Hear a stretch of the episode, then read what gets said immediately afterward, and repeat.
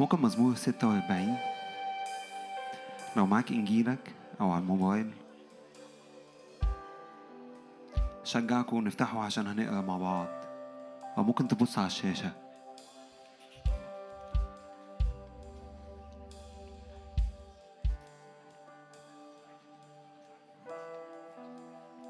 فتحنا. تعالوا بعد إذنكم لو ممكن في بداية الاجتماع. كلنا نقف. بعد إذنكم. هنقرأ الكلمات دي مع بعض.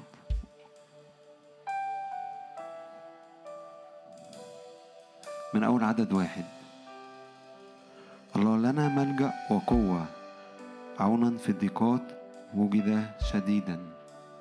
أنا مش أنتوا فتحتوا؟ أوكي. تعالوا نقرأ مع بعض من أول. الله لنا ملجأ وقوة عونا في الضيقات وجد شديدا. لذلك لا نخشى ولو تزحزحت الأرض ولو انقلبت الجبال إلى قلب البحار. تعج وتجيش مياهها تتزعزع الجبال بدموها سلام. نهر سواقي تفرح مدينة الله مقدس مساكن العلي الله في وسطها فلن تتزعزع. يعينها الله عند إقبال الصبح. تعج الأمم تزعزعت الممالك. أعطى صوته. ذابت الأرض. رب الجنود معنا ملجأنا إله يعقوب. سلام. هلما انظروا أعمال الله كيف جعل خربا في الأرض مسكن الحروب إلى أقصى الأرض.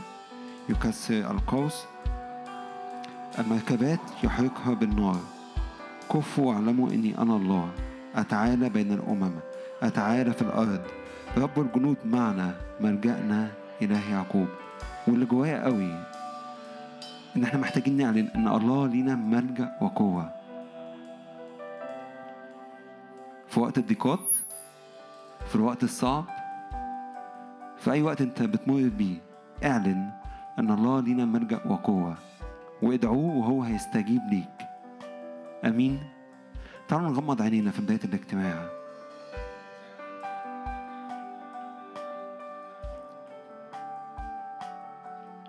قول أنا بدعوك. ملك على حياتي.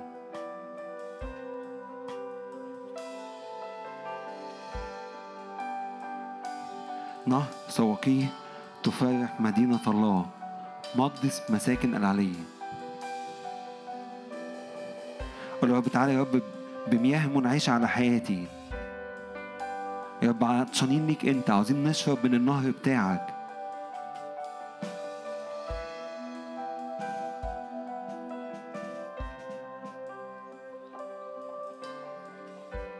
روح الله إحنا بنرحب بيك في الوسط. تعالى تعالى هيوم اياتها الرياح الأربعة. هبي على المكان. ليستعلم مجدك في وسطنا.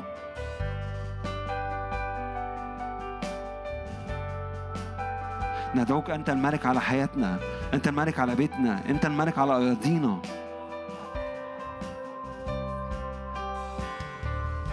نطلب حضورك نطلب حضورك. نطلب سحابة المجد. موسى فوق الجبل الشعب كله كان مدرك إن في حاجة في الجبل بتحصل. قول يا رب عاوز أدرك عاوز أشوف.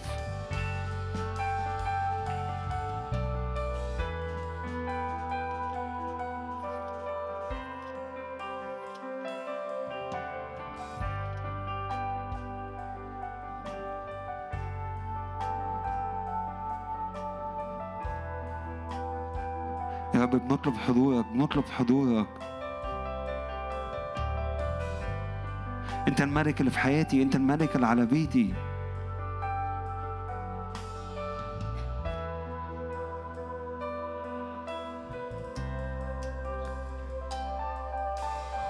ليس مثلك وليس مثل عظمتك.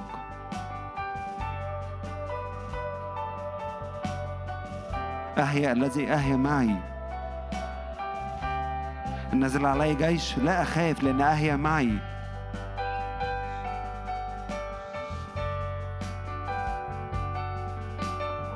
الموسيقى هتكمل تعزف وأنت أعبد وتلذذ لأن هو في الوسط. واشعر بحرية لأن هو في وسطنا.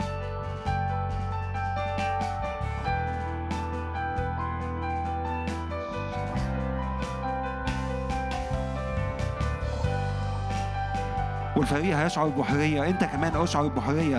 اعبد وتقدم اصعد فوق الجبل. وتقبل معايا وجها إلى وجه.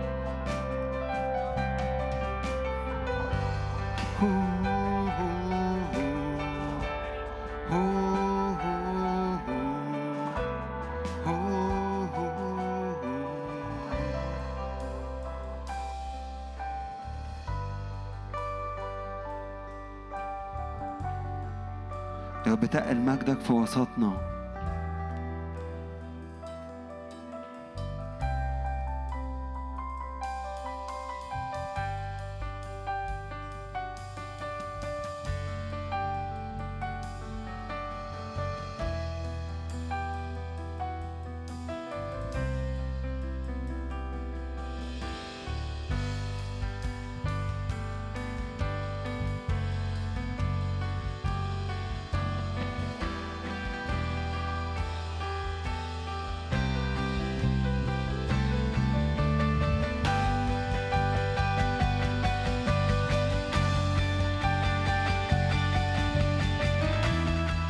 يسوع بارك على حياتك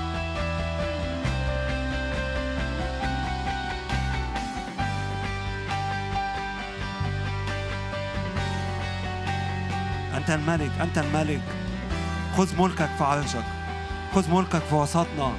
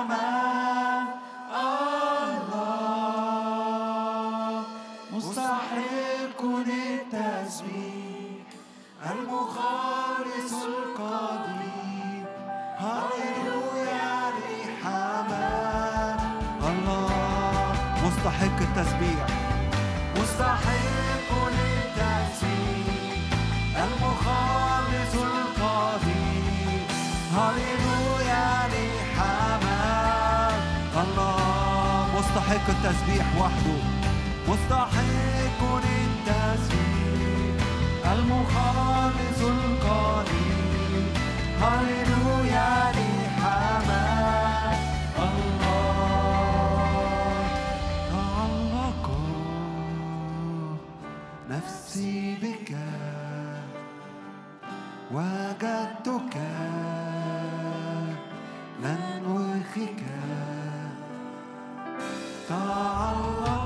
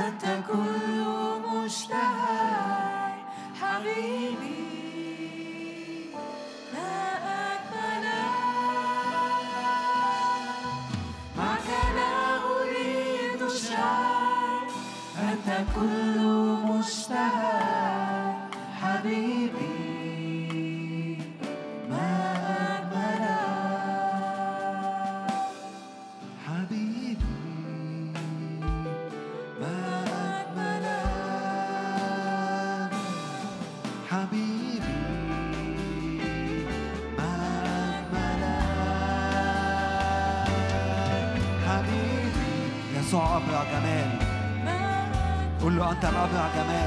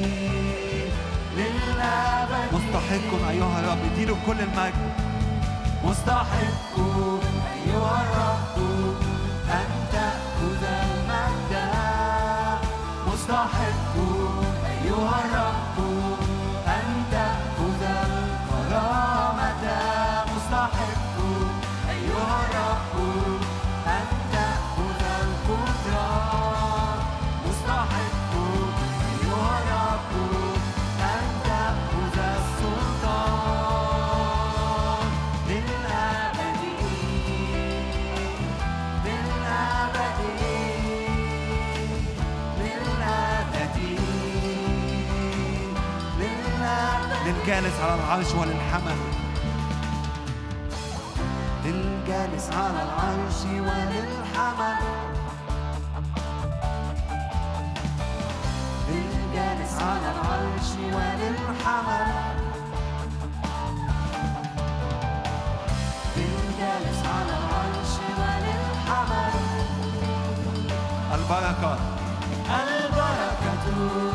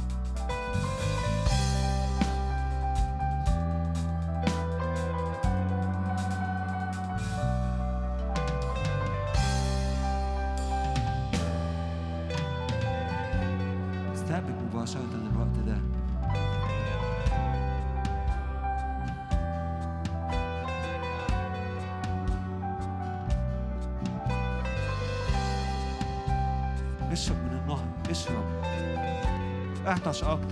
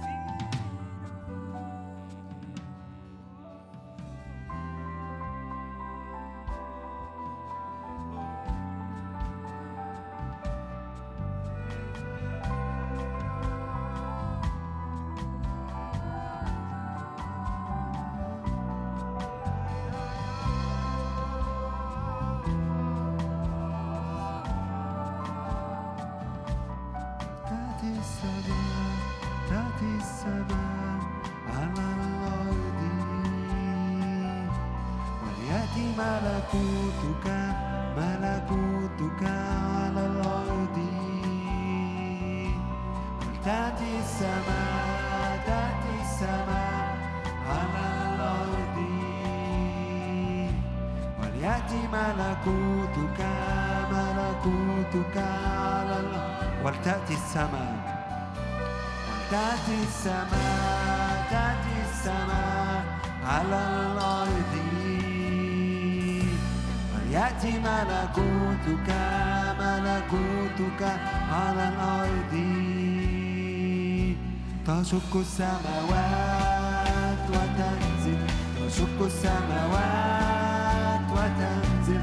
تشق السماوات وتنزل تشق السماوات. تشق السماوات وتنزل تشق السماوات. تشق السماوات وتنزل السماء.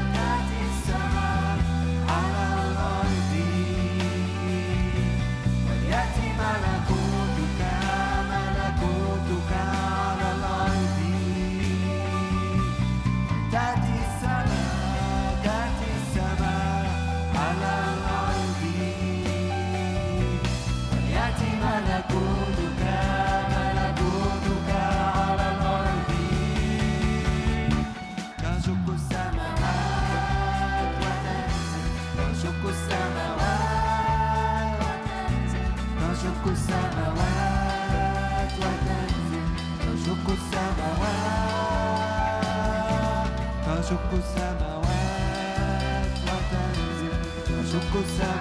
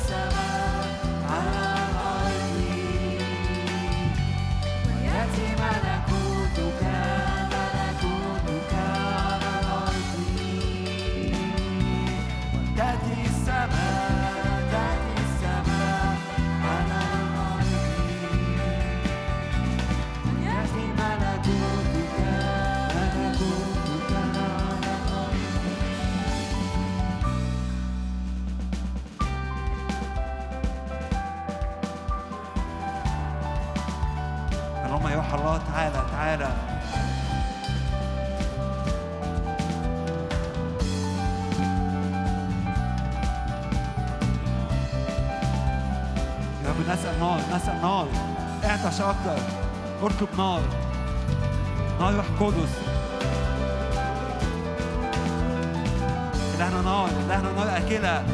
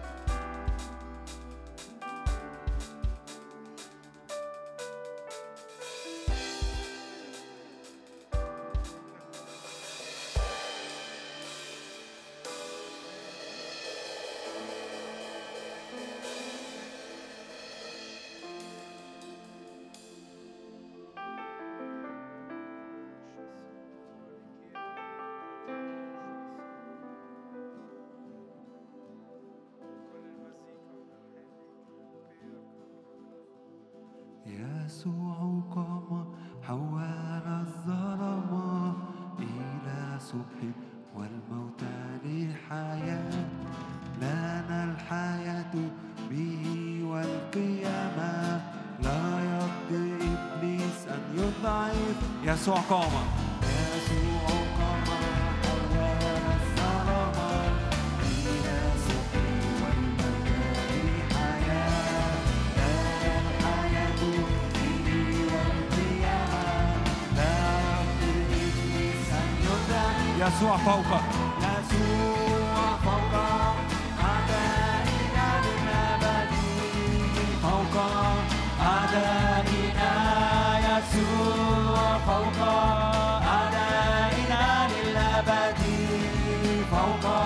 jag så har komma.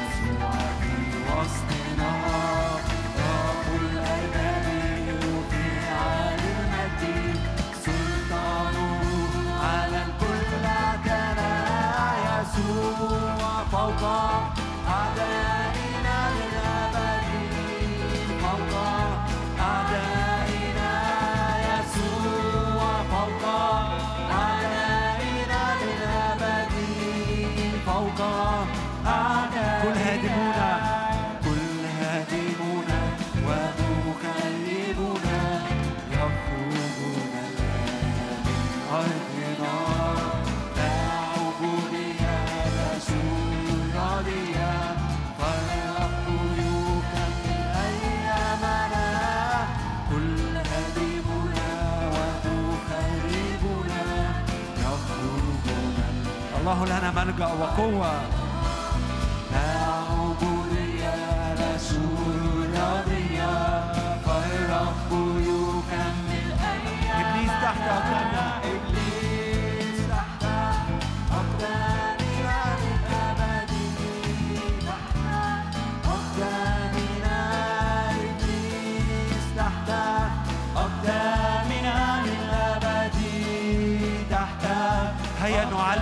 If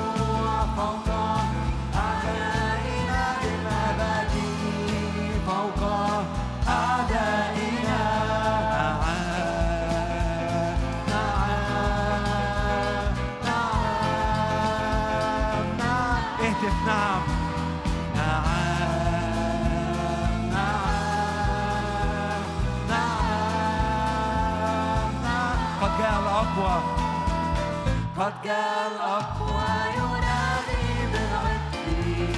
قد جاء الأقوى يخرج من السجن قد جاء الأقوى ينير الظلام. يسوع المسيح يحيي العظام. قد جاء الأقوى قد جاء الأقوى ينادي بالعتق. قد جاء الأقوى ينادي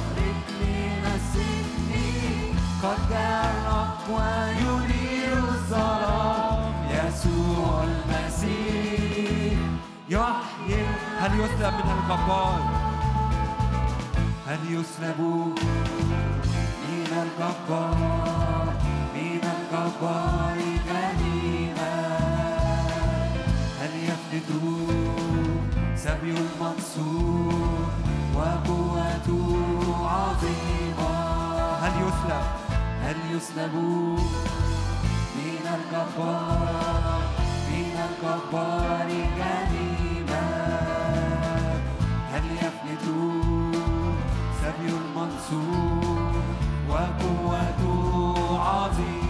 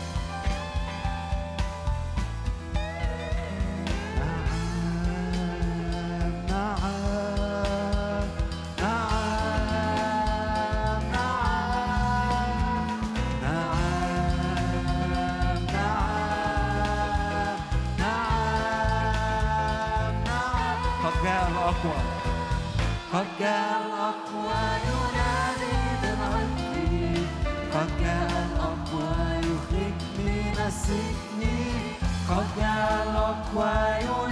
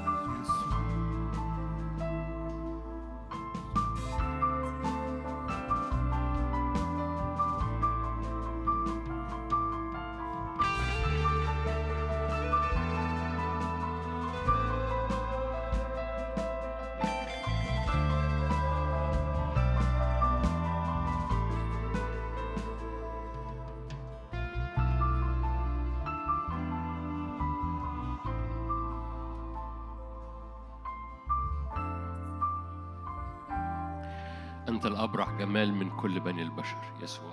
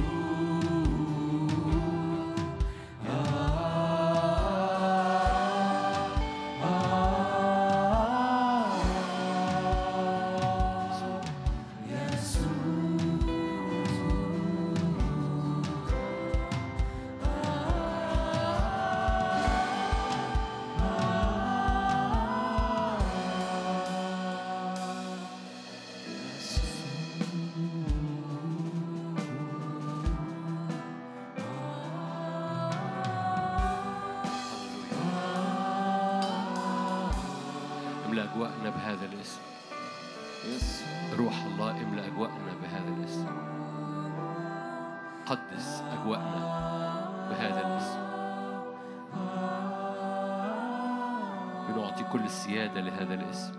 أعطي اسما فوق كل اسم. بنعطي السيادة لهذا الاسم في أجواءنا لا اسم آخر.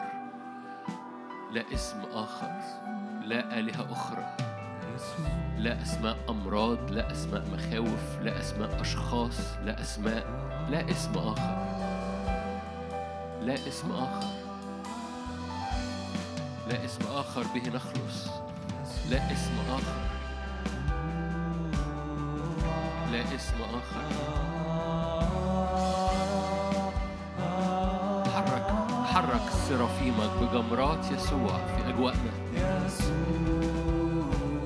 ليعطى هذا الاسم كل السيادة في الأجواء. ولتخرج سهام نارية بهذا الاسم. تنجح في كل ما أرسلت لها.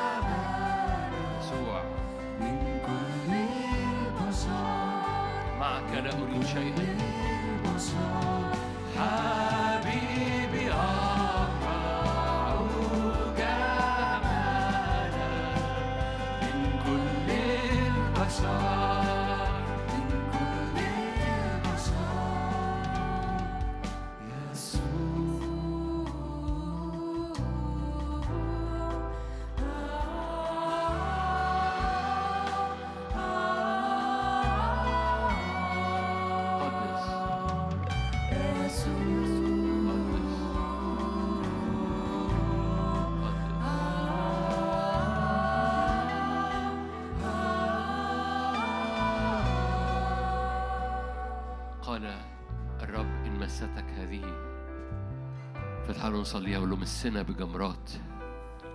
مس قلوبنا بتشفعات. لم تخرج مننا قبل كده. مس مس قلوبنا بجمرات عبادة وتشفع ونبوة وإطلاق وتشريع. مس أذهاننا بتقديس وهوية حضورك. اختم كما كان يختم الراعي على الخراف. بنار قدسك اختم علينا. فكل حاجة فينا تعلن اسم الراعي. كل حاجة فينا تعلن اسم الملك. تعلن ملكية تعلن سلطان تعلن كرامة. اختم علينا بختم نار حضورك بختم الروح القدس بنار. فكل حاجة فينا تهتف. كل كياننا كل خلية تمجدك وتعظمك. أنت إله أبو الأنوار. هللويا. ليس عندك تغيير ولا ظل دوران. لتمتلئ أذهاننا ولتمتلئ هياكلنا من أنوار. أنوار حكمة أنوار منطق السماء أنوار نعمة السماء أنوار قيادة وحكمة. أنت أبو الأنوار. أعلن معايا هذا الاسم للرب إنه أبو الأنوار. لا ظلم فيه البتة لا تغيير ولا ظل دوران. أبو الأنوار. هللويا. دوس على أي ضلمة بتعشش في ذهنك بهذا الإيمان. أبوك اسمه أبو الأنوار والأنوار دي بتطرد الظل- الظلمة إلى خارج. اي اي اي أي ظلال سوداء على الذهن على الأفكار على النفسية على المشاعر على الخبرات على التاريخ على البيت على المخاوف. وإبليس يرمي ظلال كده. ارفع إيدك بسيف الروح اللي هو بيقول أنا أعبد أبويا وأبويا أبو أنوار أبو الأنوار وأنوار دي تطرد الظلام. النور يضيء في الظلمة الظلمة لا تقدر على النور. الظلمة لا تدرك النور. هللويا افتخر بالرب. أبويا أبو أنوار أبو الأنوار. يهرب الظلام يهرب الظلام. اعلن إيمان معايا يهرب الظلام. هللويا. أنهاره تنجح أنهاره تخرج ولا ترجع فارغة.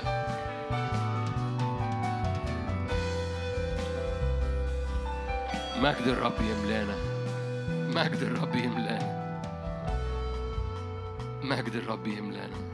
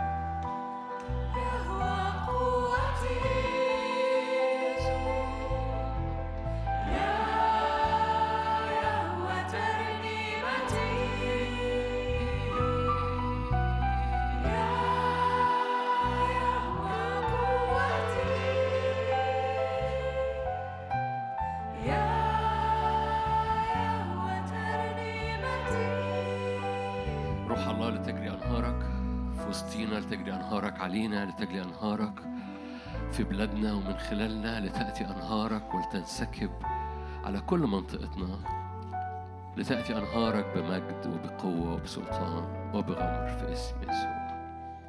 ليك كل المجد يا رب. آمين. ما تتصورش قد إيه امتياز إن ندعى عابدين للرب. ولو أنت ما أدركتش إن دي كرامة إنه الرب يدينا مسالك بين الواقفين قدامه عشان نتحرك في البلاط الملكي. ونعبد مع نوعية الناس اللي واقفة في البلاط الملكي. البلاط الملكي مش أي حد بيعدي. الملك قال كده في زكريا نزعوا عنه الثياب القذرة عن يهوشع لابس ثياب قذرة وألبسوه ثياب مقدسة وعمامة على رأسه قدس للرب وقال له أعطيك مسالك بين الواقفين أمامي. آية يمكن خدنا عليها بسبب العظات أو بنقولها كتير في وسطينا هنا هو لكن لكن محتاج تدرك تقل هذا إن ربنا يديك أكسس في الكوريدورات المقدسة اللي قدام العرش. مسالك بين الواقفين قدامي.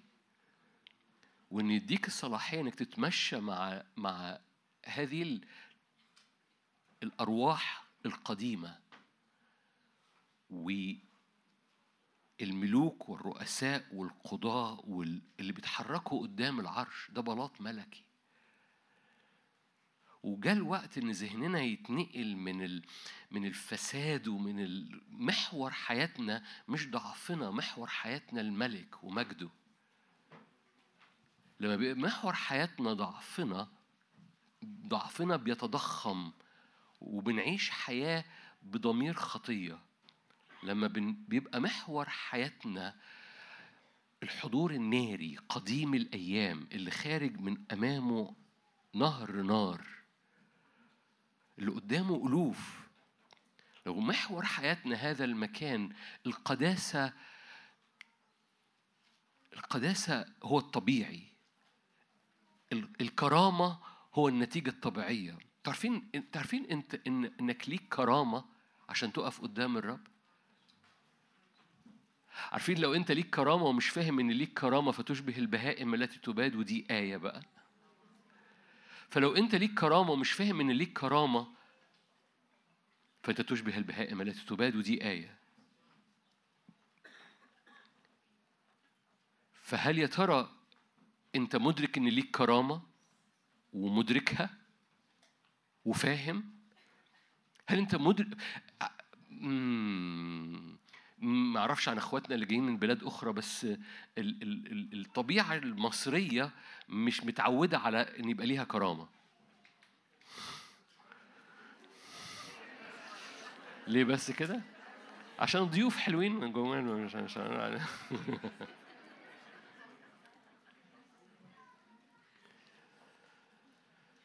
وانت قاعد في أوضتك لوحدك يعني وانت كده هو مش أول حاجة بتفكر فيها أنا ليا كرامة. أنا مليان كرامة.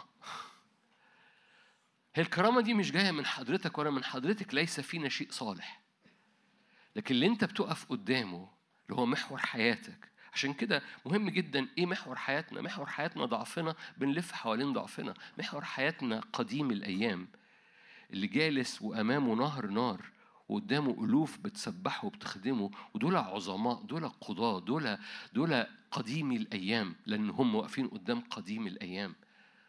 في هذا المكان في كرامة إن يبقى ليك اكسس في كرامة إن يت- يبقى ليك مسالك إنك تقف في المكان وتتمشى في هذا المكان مسالك بين الواقفين. ولو أنت في كرامة ومش فاهم هذه الكرامة ففعلا حياتنا بتبقى عادي عادي عادي كالبهائم التي تباد أما الإنسان اللي في كرامة واقف مدرك كله بلاش العهد القديم عهد ايات في العهد الجديد آنية للكرامة. عارفين الايات دي في تيموساوس؟ آنية للكرامة نافعة للسيد. أنت مدرك إنك آنية للكرامة؟ عارف يعني إيه كرامة؟ الآنية دي لها كرامة لأنها بتستخدم في بيت الملك. فهي آنية للكرامة. فهي لكرامة الملك فهي آنية مكرمة. ما تعودناش على كده بس بس بس جاء الوقت إنك تدرك إنك تقف قدام الرب وتخرج من بطنك أنهار لأنك قدام هذا الملك كلي الكرامة. دي كرامة إنك تقف في المكان ده. ده ده ده دي نعمة بفيض بيجزلها بعطاء بفيض بمراحم على حياتك. ولما تدرك غلو المكان ما بتسيبش المكان لأنه مكان غالي ليه قيمة بالنسبة لك. فالعبادة بالنسبة لك بتبقى غالية لأن العبادة بتعلن انك أنت ليك كرامة لأن مفيش حاجة تانية بتديك كرامة. حد فاهم حاجة. فلو أنت م- بترى الكرامة المعطاه إنك تقف تخدمه تعبده ترنم ليه ودي كرامة في حد ذاتها.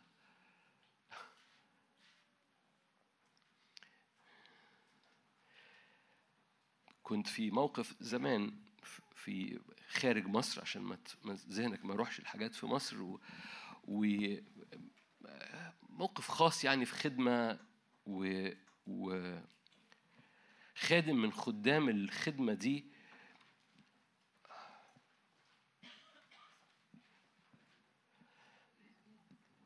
أوكي بلاش القصة دي.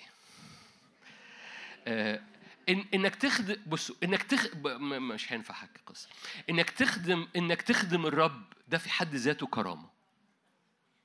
إنك تخدم الرب مش تفضل. إنك تخدم الرب مش إنك تخدم الرب ده في حد ذاته كرامة. ولو ما شفتهاش كده يبقى مش بتخدم الرب. لو لو ما شفتش إن ده ده ده ده إحسان إنك تخدمه مش تفضل منك إنك تخدمه. مش مش يع- يعني بدون دخول في كان كان عقاب إن الخادم ده ما يخدمش. مش ال خدمة الرب كرامة. أنت مش بتحسن للرب. ده إحسان الرب إنك تخدمه. حد فاهم حاجة؟ ده شيء غالي جدا إنك تخدم الرب. وبالتالي إن إحنا نق- يختارنا عابدين. قال كده في خروج 19 أنا ما أنا آسف. أنتم رأيتم ما صنعت بالمصريين. خروج 19 أربعة. أنتم رأيتم ما صنعت بالمصريين. أنا حملتكم على أجنحة النسور. وجئت بكم إليّ. أنا حملتكم على أجنحة النسور وجئت بكم إلي فالآن إن سمعتم لصوتي وحفظتم عهدي تكونون لي خاصة من بين جميع الشعوب ده حاجة سبيشال أنتوا خاصة. فإن لي كل الأرض. أنتم تكونون إيه بقى الخاصة دي؟ مملكة عابدين. مملكة كهنة. أمة مقدسة. مملكة عمالة بتطلع عبادة. والمية عمالة بتنزل عليها من فوق فبتفيض بأنهار والمملكة مملكة عابدين. زي ما كنا بنحكي الصبحية مجرد مسامك مفتوحة إنك تشرب لأنك عطشان وإن تفيض منك أنهار ماء حية والأنهار دي لا ترجع فارغة بل تنجح. والمملكة كلها مملكة مدركة إن الوظيفة الفانكشن الحقيقي بتاعها هي حمد مجد النعمة. ولأنها واقفة في هذا المكان فبتقف في كرامة وامتياز وملوكية وعشان هي كده مملكة مملكة من الكهنة. يعني العابدين دول مملكة.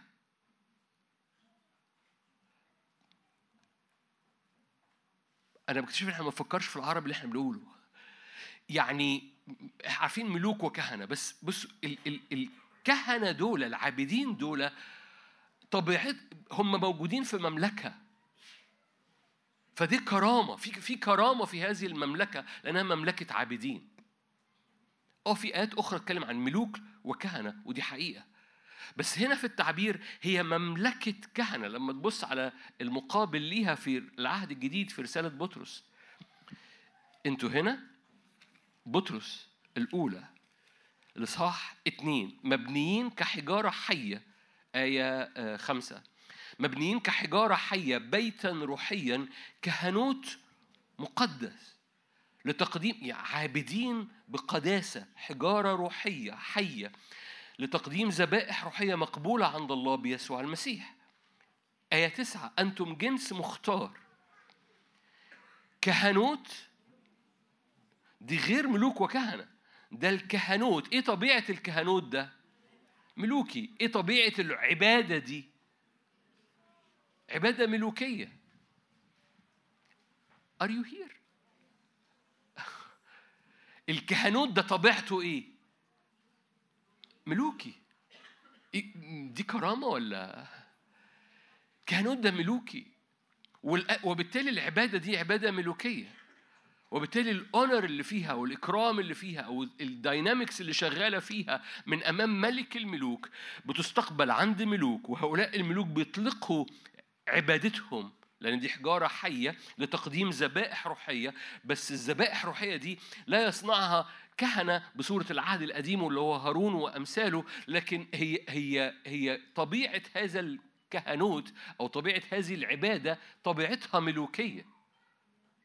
فأنا بستقبل سكيب نازل لأنه في طبيعة في الأمر ده لأنه إحنا داخلين على حاجة هنخش على حبة حاجات عملية صغيرة. طبيعة السكيب اللي نازل عليك نازل من ملك الملوك وأنت بتعبد هذا الملك بتستقبلها بطبيعة عابد ملوكي. ليه؟ لأن هو مش بيدعوك تعبده آه على الفاضي. لأنه النهر اللي نازل منه المية اللي نازلة منه لا ترجع فارغة بل تنجح ليها شغل. فأنت ليك شغل معاه. نحن عاملان معه. في حاجة بتحصل لما السكيب ده ينسكب والعبادة اللي نازلة زي ما اتفقنا في اجتماع الصبحية هي عبادة نازلة المياه اللي نازلة من فوق السماوات عشان تنسكب منك أنت أنهار ماء حي وزي ما اتفقنا لو لأن المية نازلة من السماء الحركة منشأها. جاي من قلب الآب من السماويات بتطلع ثمر كشبهها. مش كشبهنا كشبهها. فشجرة الحياة بتطلع أشجار والأشجار دي ثمرها دواء آه، آه، ثمر كل شهر وورقها دواء للأمم. لأن بحسب جنسها بتطلع الأرض تلد أشكرك. الأرض تلد. فإحنا ملوك لأن نرى أراضينا تلد. نرى أراضينا بتتغير.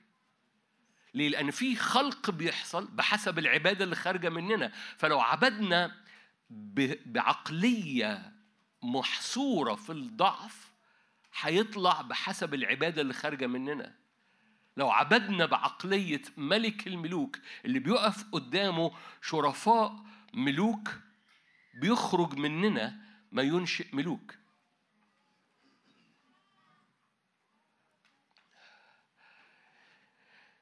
لما بنعبد ب- بش- ب- بهوية مشوهة.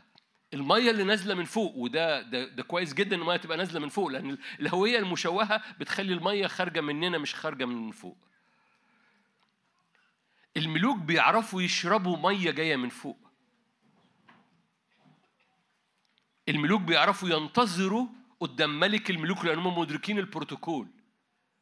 العبد لما بيخش قدام الرب عايز يخلص شغله ويمشي. زي العبد لما يشتغل في حتة عايز يخلص شغله ويمشي بفلوسك يعني عارف- عارفين اللي يروحوا الشغل يقول لك إيه؟ على قد فلوسهم. فعلى قد ف... على على قد فلوسهم. فعلى قد خبرتي في الاستجابات. فخبرتي صغيرة في الاستجابات فهعمل اللي عليا هصلي الصلاة اللي عليا واخرج. ده العبد. ده لا يظن إنه يأخذ شيء من عند الرب. لأن هو مرتاب. لا يظن إنه يأخذ شيء من عند الرب. لكن الملوك عارفين البروتوكول. فالملوك بينتظروا يعني لو انت داخل عند ملك الملوك مش هتستنى. هتستنى لأنك انت مدرك إن اللي وراء ده غالي. فانت مستني الغالي. انت مش عايز تقابل وكيل عايز عايز الملك نفسه. لما الرب قال له هبعت ملاك معاك قال له نو. فاكرين؟ قال كده لموسى. أنا همشي معاك مش همشي مع ملاك. وبالتالي الملوك بيعرفوا يقفوا لغاية لما المية تنزل من فوق. لما المية بتنزل من فوق الدنيا بتبقى عميقة جواهم لأنه بيؤتمنوا على أمور عميقة تأتي ب- بنتائج بحسب المية اللي نازلة عليهم. العبد بيتلهوج العبد يبقى عايز يطلع يصلي امبارح كنا عمال بقول الآية الموجودة في سفر الجامعة لا يسرع فمك بنطق بكلام قدام الرب. ليه؟ لأن الرب في السماوات. استنى لغاية لما تتواجد في السماوات قدام الملك وتبقى مدرك البروتوكول والكرامة الموجودة قبل ما تنطق كلمات. لانها هتبقى أتقل. حتى لو طلعت نفس الكلمات بس أتقل من هناك عن إنها من هنا. بس أنا مشغول بالنتائج أو مشغول بالطريقة العملية. فمشغول إنه إنه لما المية بتستقبل على طبيعة طبيعة ملك مملكة مملكة كهنه أو كهنوت طبيعته ملوكية. بيخرج من هذا الكهنوت أو من هذه العبادة تأثيرات ملوكية. العبادة هي قوة اختراق لكل حركة روحية. أرمية عشرة. قوة الاختراق لأي حركة روحية هي العبادة. عشان كده محتاج حركة روحية على بيتك. اقف في كرامة العبادة. تعامل مع العبادة اللي هي بتخرج من حياتك بصور متنوعة تعامل مع العبادة إنها كرامة من عند الرب. ولأنها كرامة من عند الرب هتحب تبقى موجود فيها واعرف إن كل حركة روحية بتسبقها حركة عبادة قلبية. طبق ده بصور متنوعة. حركة روحية على حياتك حركة روحية على بيتك حركة روحية على خدمتك حركة روحية على بلدك. أيا كان النوع أي حركة روحية بتسبقها حركة عبادة حركة قلبية من العبادة. أرمية عشر آية 11 هكذا تقولون لهم الآلهة التي لم تصنع السماوات والأرض تباد من الأرض. ده ده تشريح هنرجع له بعد شوية. هكذا تقولون لهم ده إعلان الآلهة التي لم تصنع السماوات والأرض تباد من الأرض ومن تحت هذه السماوات صانع الأرض بقوته مؤسس المسكونة بحكمته وبفهمه بسط السماوات إذا أعطى قولا إيه اللي يحصل بقى لو أعطى قولا تكون كثرة مياه فين؟ حد كان موجود اجتماع الصبحية؟ في كثرة مياه في السماوات ليه؟ لأن العبادة أو المية الكتيرة اللي بتتحرك في السماويات مربوطة بإعلان بمعنى إيه؟ بمعنى إن الملوك مجد الرب إخفاء الأمور لكن مجد الملوك فحص أمور الرب الرب مش بيخبي مجده عنك الرب بيخبي مجده ليك العبد العبد بيبقى متلهوج عايز يخلص عايز يصلي عشان عنده حاجات كتير قوي. لكن الملوك مدركين الديناميكية الملوكية مجد الرب إخفاء الأمور. ومجد الملوك فحص أمور الرب. اللي بي اللي عايز تعرف انت ملك ولا لأ بتتتبع الرب من أجل إعلانه ولا لأ؟ لأن لما لو أعطى قولا لو لو لو شأشأ إعلان مية بتفج تكون كثرة مياه. خلي بالك أنا بحكي معاك ديناميكية معينه لأنه لما الإعلان بينفجر على عبادتك الإعلان ده قول من الرب. زائد عبادة نارية لأنها متقدمة بنار الروح القدس. قول زائد نار بيعمل خلق بيعمل نحت بيعمل عارفين الحضارة؟ دايما الحضارات بيبقى ليها مباني عليها نحت عليها شكل. ليه؟ لأن اتشكل اتشكلت بنار. كلمة الرب تقول لي أنت أقرأ لك آية علشان أنا عارف أنتوا بت يوحنا ستة آية كلكم عارفينها. حطها قدامك بس. ممكن ما افتحهاش بس. آية آية 62 الروح هو الذي يحيي أما الجسد فلا يفيد شيئا. كمل بقى معايا الآية اللي وراها. الكلام الذي أكلمكم به كلكم عارفين الآية للأسف. الكلام الذي أكلمكم به إيه؟ هو بيقول إيه؟ يسوع بيقول لما بقول كلامي الكلام ده بيقوم مفروش قدامكم بيتخلق قدامكم بيفتح رلم بيفتح عالم. فكلامي عبارة عن روح. الإعلان ده بيعمل عالم في الروح بس هذا العالم مليان حياة. لأن الروح يحيي أما الجسد فلا يفيد شيء كلمة الرب أو إعلان الرب عنده طاقة خلق. لو أنت خدت الإعلان وعبدت بيه قدام الرب لو خدت الإعلان وحطيته في النار بيخلق بينحت بيشكل في الصخر واقع آخر. الملوك بيفحصوا أمور الله من أجل الإعلان. الإعلان مش دراسة الإعلان مش كلمة بنقولها كده معتادة وهو بقى إعلان. no no no الإعلان ده بيبقى حاجة نازلة من فوق على الملوك والملوك بيكتروه بنار. كلامي روح وحياة يعني كلامي بيقوم يخلق حاجة. ليه؟ لأنه إذا أعطى الرب قولا تكون إيه؟ كثرة مياه. أنا هرجع لأرمية تاني أنا رحت بس ليوحنا. لما الرب بيطلق إعلان في روحك حطه في النار بتاعت العبادة. لو في قول مع كثرة مياه تعالوا نرجع لأرمية. أرمية عشر. إذا أعطى قولا تكون كثرة مياه. يصعد السحاب من أقصى الأرض يصنع بروقا للمطر يخرج الريح من خزائنه. يعني إيه؟ كل حاجة هتتحرك من أجل خلق واقع آخر في الأرض لأنه أعطى قول وفي كثرة مياه في السماوات أنتوا شايفينها؟ هي ليه مصفرة؟ الكابل أصفر؟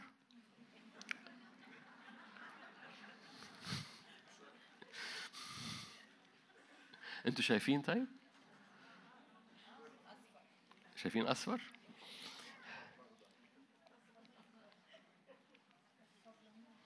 إذا أعطى الرب قولا وهذا القول بيطلق بصوا ما قبل كل حركة روحية ما دي ده كثرة مياه دي حركة روحية. قبل كل حركة روحية في إعلان. لأن كل إعلان بيطلق عبادة والعبادة بتعمل حركة روحية. الملوك بيفحصوا أمور الرب الملوك بيجروا ورا أسرار الملكوت الملوك بيجروا قدام حضور الرب بيقفوا من- منتظروا الرب. ليه؟ يقوم مدخلهم layer ورا layer ورا layer ورا layer من مستوى ورا مستوى ورا مستوى من إعلان الرب ومن كلمة الرب وبالتالي من فضلك ال ال يعني أنا عارف إن أنا ب كلمة الرب في حياتك الإعلانية هو أغلى هدية ممكن تحصل لو أنت واقف بكرامة قدام الرب لو أدركت الكرامة المعطاة أنك تكون عابد الرب يقوم مدرك أنك مستغلي هذا المكان ويقوم ساكب أسراره. أعيد صياغتها عشان أكون أوضح. مجد الملوك. فحص أمور الرب.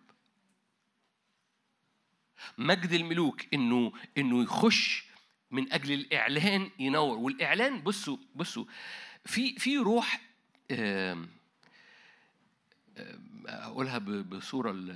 كوبي يعني تعمل نسخ. النسخ مش إعلان. في بعض الاحيان النسخ بتبقى آه، حاجة ضد الإعلان كمان. برغم إنه بيقول نفس نفس الإعلان بس هو نسخة. في أشخاص نسخ الشخص نفسه على بعض. تلاقي مثلا حد بيتحرك بطريقة معينة في الاجتماع فتلاقي بعد شوية حد تاني صاحبه بقى بيتحرك بنفس الطريقة. حتى ال body language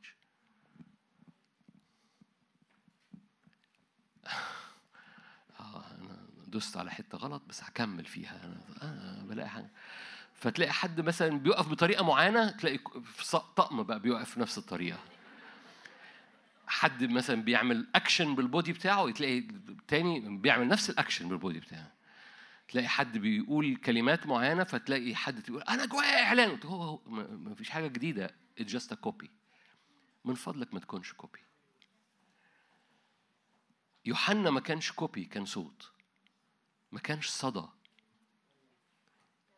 الصدى دوشة الصوت إرسالية. في حاجة حاصلة من آه، أسميها روح ال copy؟ ده حاجة جديدة اسمه روح ال copy. روح اللي هو تقليد بدون قوة. ده ده ده ده ده ده, ده مؤلم. زي ما يكون تمثال ذهب وتمثال عملوه بلاستيك. هو هو نفس بس copy بس بلاستيك. ما تكونش كده. كون ملك. ومجد الملك إنه يفحص أمور الرب عشان ياخد ذهب من الرب. والرب سخي عنده ذهب لكل حد. بس بس بس ما ما تاخدش وتقول ده إعلان. تقول يعني ما كده ما ما ما خدش لا نو نو خد وشارك. لكن لما تشارك ما تقولش ده إعلان. حد فاهم حاجة؟ لأنه يجب إن الذهب يفضل ذهب.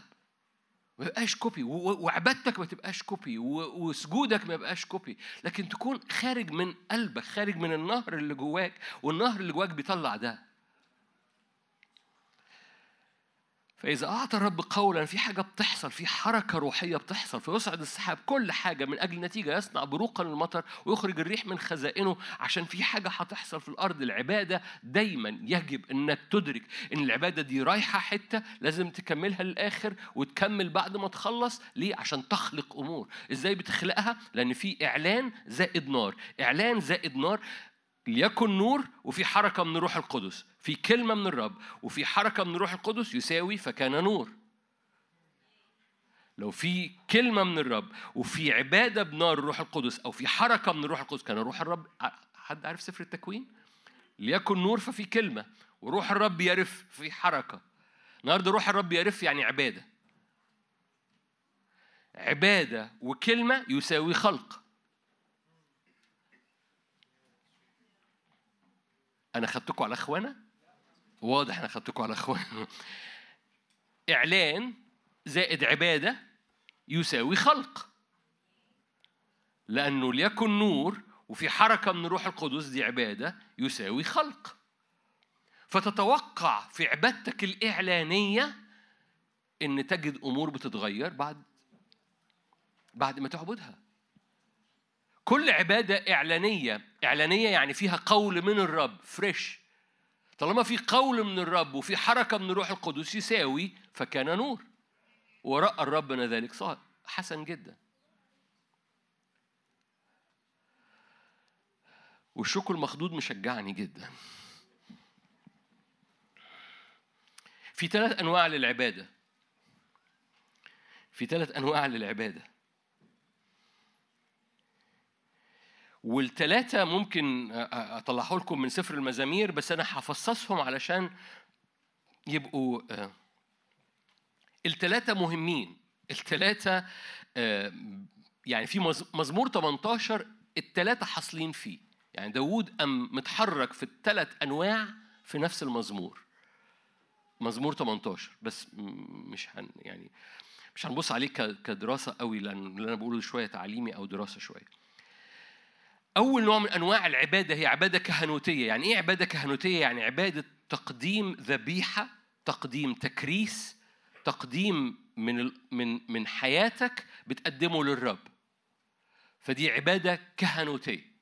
يعني إيه كهنوتية؟ يعني تقديم ذبائح مقبولة للرب، قريناها أفتحها تاني بطرس الأولى صح اتنين. صمتكم مريب. لو فتحتها مرة تاني قدام عينيكم معلش بطرس الأولى صح اتنين. مبنيين كحجارة روحية كهنوت مقدس عشان نعمل إيه؟ تقديم ذبائح روحية مقبولة عند الرب. فده أول نوع من أنواع العبادة عبادة كهنوتية. لإيه؟ تقديم ذبائح روحية. فالكل ليك ترنيمة. ده إيه؟ دي عبادة كهنوتية. بقدم تكريس بقدم ذبيحة بتنزل عليها نار بس هذه العبادة عبادة صاعدة من حياتي بتتقدم قدام الرب بتكريس بطلب بطلب بطلب مزمور 18 أوله أحبك يا رب. أوكي؟ إيه ده؟ إيه اللي بيعمله داوود؟ ده بيقدم حياته بيقدم كل حاجة بيعلن محبته بيعلن المستخبي فيه في ضيق دعوتك أيها الرب. ده بيقدم كل حاجة بيقدم حتى ضيقه. فدي عبادة كهنوتية صاعدة قدام الرب زي ال- ال- الذبائح الصاعدة قدام الرب. أمين؟ ده أول نوع ده ده نوع مهم. إحنا خلي بالك إحنا مملكة كهنة. والعبادة اللي خارجة مننا عبادة بتشمل كل أنواع العبادة اللي جاية اللي منها أول خطوة فيها هي عبادة كهنوتية. لو ما تبص على مزمور 18 من أول آية لآية 7 كده تجد إنه عمال بيقدم حياته. ف... فبنرنم ترانيم زي كده كتير من التكريس من المحبة من تقديم حياتنا. دي عبادة كهنوتية. أمين؟ في ليفل نمرة اتنين. في عبادة نبوية. دي غير العبادة الكهنوتية. العبادة النبوية بتعمل إيه؟ بتعلن قلب الله الآن وإيه اللي حاصل في السماء دلوقتي. فدي عبادة نبوية يعني إيه عبادة نبوية؟ يعني الحالة أنا قدمت تكريسي بس هو إيه إيه إيه اللي حاصل في السماء؟ إيه اللي حاصل في السماء؟ مزمور اتنين أوضح مثال فاكرين مزمور اتنين؟ أفتحه لكم؟ أوكي نفتحه مزمور اتنين مزمور اتنين مزمور نبوي مزمور. تقول لي مزمور نبوي علشان ده بيتنبأ عن يسوع أقول لك لا مش بس مش بس كده ده عبادة نبوية ليه؟ لأن بيعلن إيه اللي حاصل في السماء الس... الساكن السماوات يضحك دي عبادة نبوية أنتوا هنا؟ يعني إيه الحالة في السماء دلوقتي؟ الساكن السماوات يضحك دي عبادة نبوية كده فالقصة مش بس أنت ابني والنبوة عن يسوع القصة أن هذا المزمور مزمور نبوي آه هو عن يسوع بس هو بيحمل ما يحدث في السماء الآن. لو كملت في مزمور 18 ب- بلمسك في العبادة اللي خارجة في كتاب مقدس. لو كملت في مزمور 18 تكتشف إن داود اتنقل من أنا بحبك وفي ضيق دعوتك ومش عارف إيه إلى ما يحدث الآن. الرب نزل بقى بالجلال الرب اتحرك بالجلال الرب بيطلق سهامه الرب اتحرك لولاده. بيعلن قلب الآب الآن. ده في في مزمور ال 18 في قلبه في النص. لأن في ثلاث ثلاث مستويات للعبادة وكلها متجمعة في مزمور 18 من واحد لسبعة بيقدم حياته بيعلن الرب في الضيق دعوتك وبعد كده بيقوم ناقل قلب الآب بقى في الحدث إيه؟ قلب الآب في مزمور اتنين إيه؟ الساكن في السماوات يضحك الرب يستهزئ بهم أنا مسحت ملكي على صهيون جبل قدسي. ده إيه ده؟ ده الممالك تهج تعيج وت- وتجيش بطموها ده ال- تفكر الأمم بالباطل والشعوب ارتجت وقام ملوك الأرض. بس في حاجة حاصلة في السماوات. ده فعل نبوي ده ده عبادة نبوية. أنا قد مسحت ملكي على صهيون جبل قدسي. إني أخبر من جهة قضاء الرب أنت ابني أنا اليوم ولدتك. فنعمل إيه؟ أيها الملوك تعقلوا قبلوا الابن. ده إيه؟ دي نبوة. دي عبادة نبوية. Are you here؟ أوكي ففي عباده كمثال كمثال في الترنيم من من سنين ما أعرفش أنتوا كنتوا فين وقتها بس من سنين كده أقول في موجة إعلان قدوس. عارفين ترنيم قدوس؟ في في قبل هذه ما أعرفش سنك الروحي قد إيه بس قبل في مرحلة ما كانش التعبير قدوس قدوس دي ما بتتكررش كتير قوي. بعد كده جه موجة وما زالت مستمرة. هو إعلان قدوس قدوس قدوس. دي إيه؟ ده دي عبادة نبوية. ليه؟ بتقول إيه اللي حاصل في السماء؟ قدوس. Are you here؟ السرافيم في أشعيا 6 عمالين بيقولوا إيه؟ قدوس. ده اللي حاصل في السماء. دي عبادة نبوية. وبالتالي كل عبادة بتعلن ما يحدث في السماويات هي عبادة نبوية. هي عبادة كهنوتية تكريس تقديم حياة خارج من من من الأرض مرفوعة كذبيحة مرفوعة. تقديم ذبائح روحية مقبوله عند الرب. دي ذبيحة كهنوتية. في عبادة نبوية ما يحدث في السماويات. وفي level وراه اسمه عبادة رسولية. تقول إيه العباده الرسوليه أقول لك دي العبادة اللي بتأتي بملك السماء على الأرض. تقول لي في عبادة بتعمل كده؟ أقول لك yes ففي عبادة قبل ما نكمل في العبادة الرسولية. العبادة الكهنوتية خارجة من الأرض للسماء. العبادة النبو- النبوية بتعلن ما يحدث في السماء. العبادة الرسولية تأتي بما يحدث في السماء للأرض. أقولها مرة تاني. العبادة الكهنوتية بتقدم ذبيحة من الأرض للسماء. العبادة النبوية بتعلن ما يحدث في السماء. العبادة الرسولية بتأتي بما يحدث في السماء ليستعلن في الأرض. لو ختمت مزمور 18 في آخر مزمور 18 يقول لك الرب يعمل الرب يعمل الرب يعمل الرب يعمل تنقذني من خصامات شعبي الرب يثبت كرسي مملكته على الكل تزول. ده إيه؟ ده إعلان إن ما يحدث في السماء ده اللي كان بيراه الرب يتحرك بقى بالجلال وبيطلع سهامه بينزل على الأرض ويعلن المملكة. فمزمور 18 محكي في الثلاث حاجات ورا بعض. أنتوا هنا؟ okay.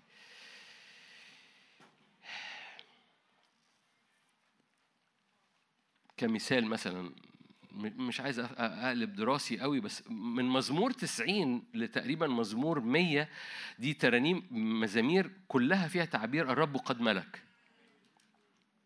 دي مزامير دي مزامير أو دي عبادة رسولية.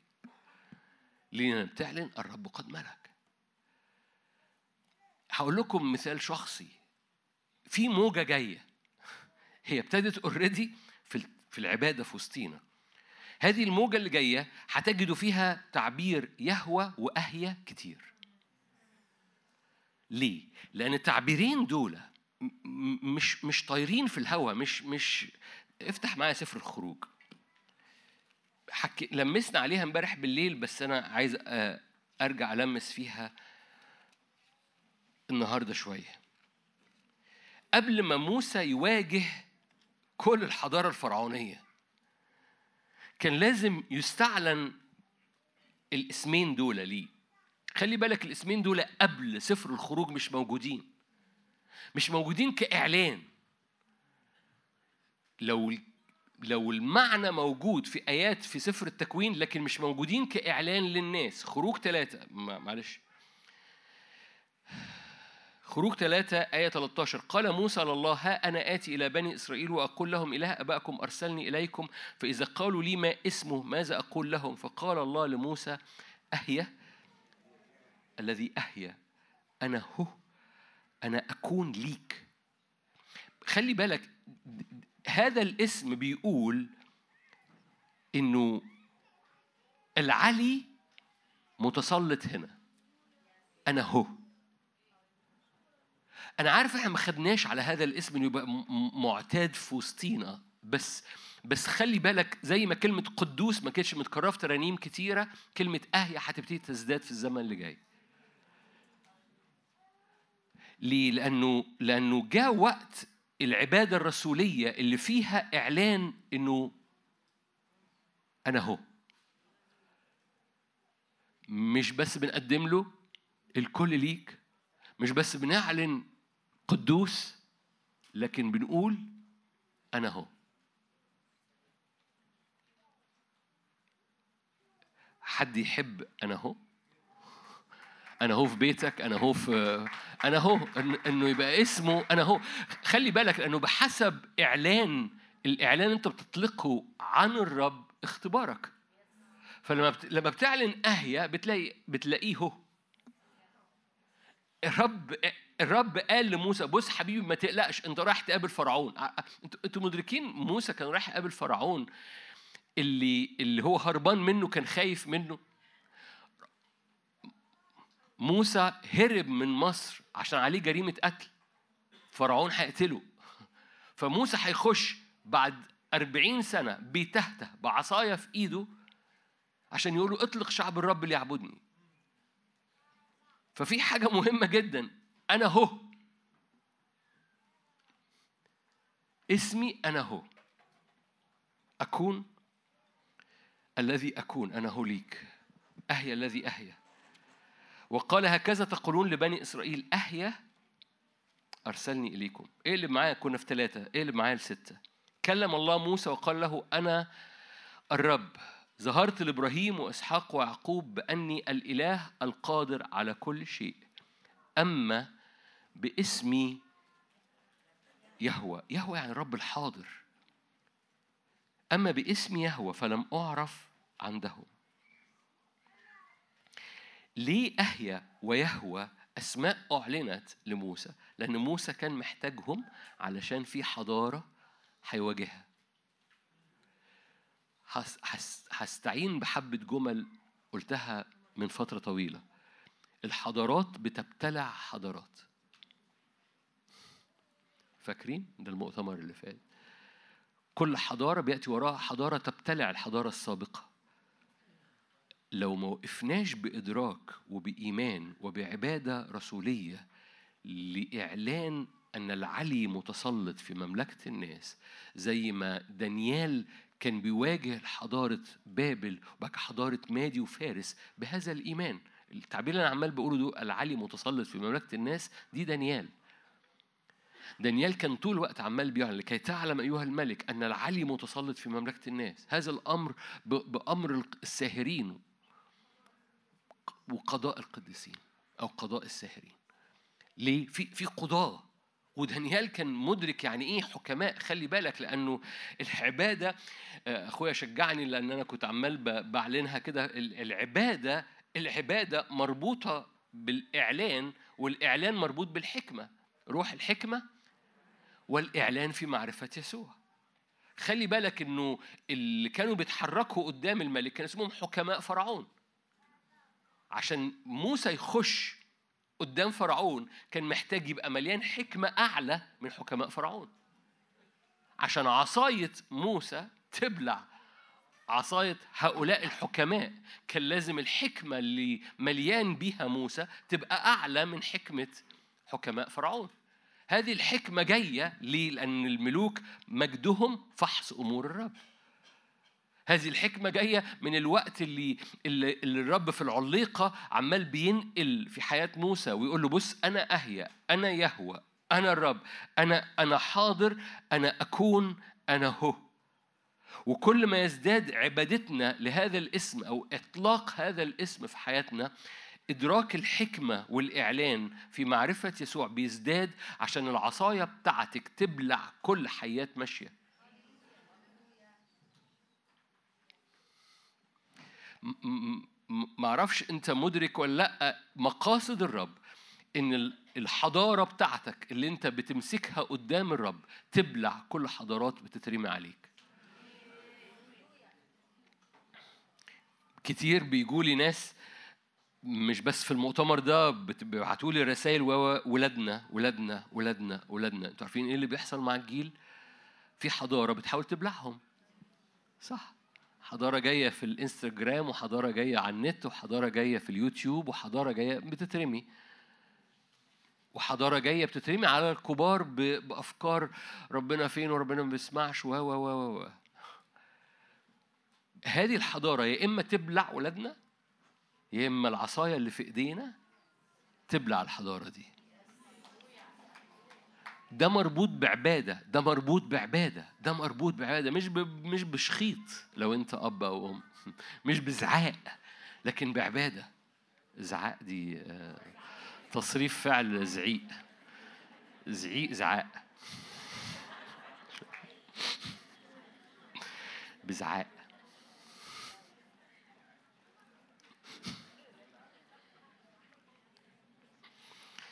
أوكي. فالعبادة اللي خارجة من من من مننا هذه العبادة لا ترجع فارغة بل تنجح. والعبادة دي اللي مربوطة بالحكمة والإعلان اللي مربوطة بأنوار هذه العبادة بتبلع كل حياة رماها إبليس في أرضنا. ليه؟ لأن العلي متسلط في مملكة الناس دانيال بلع الحكمة بتاعة مادي وفارس. وبلع الحكمة بتاعت باقي المنجمين والحكماء اللي كانوا عند نبوخذ نصر في بابل.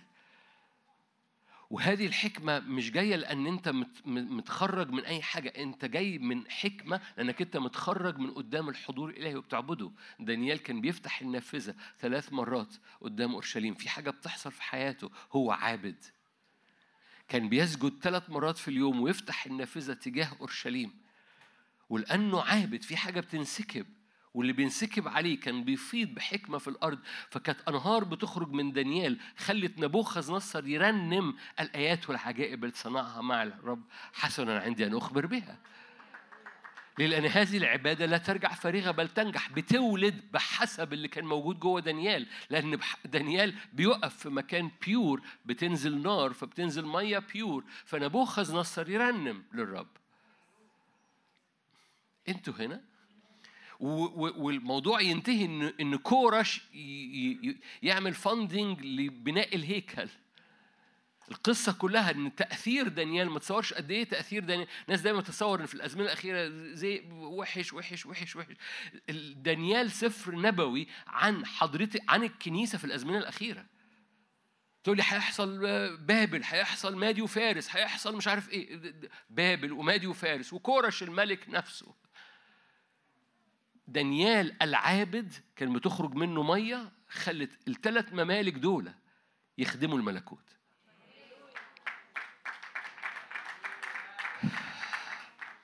ففي عبادة كهنوتية ده تكريس ده تقديم الكل ليك بنحبك. في عبادة نبوية بتعلن إيه اللي بيحصل في السماء؟ قدوس إلهنا قدوس. بس في عبادة رسولية يهوى أحيا ملكوته على الأرض.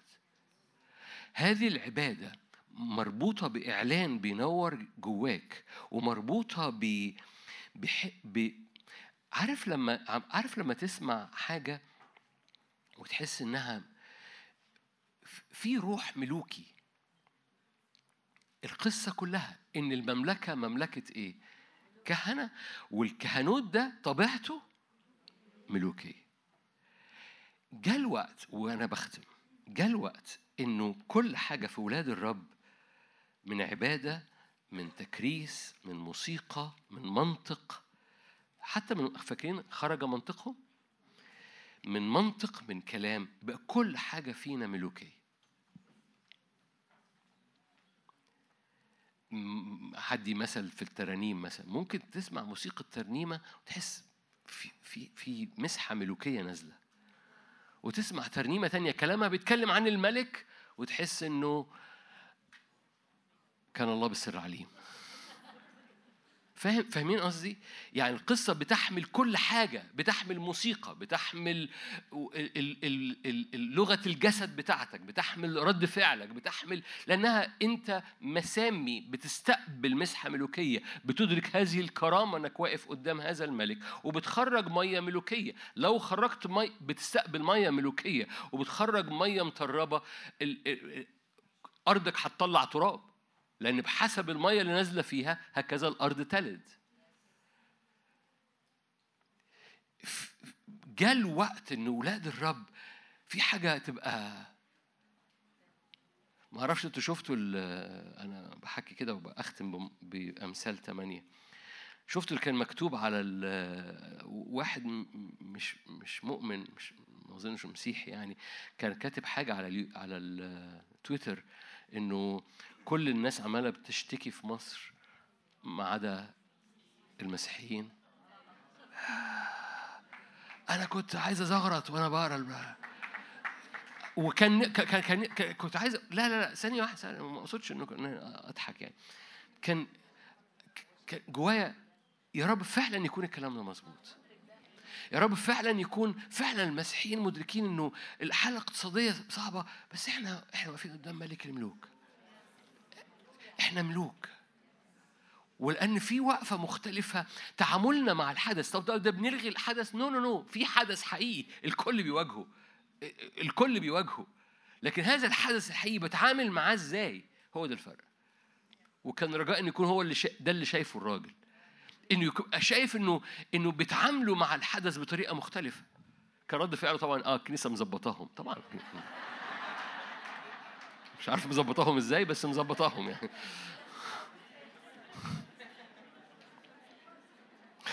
الكنيسه مظبطاهم.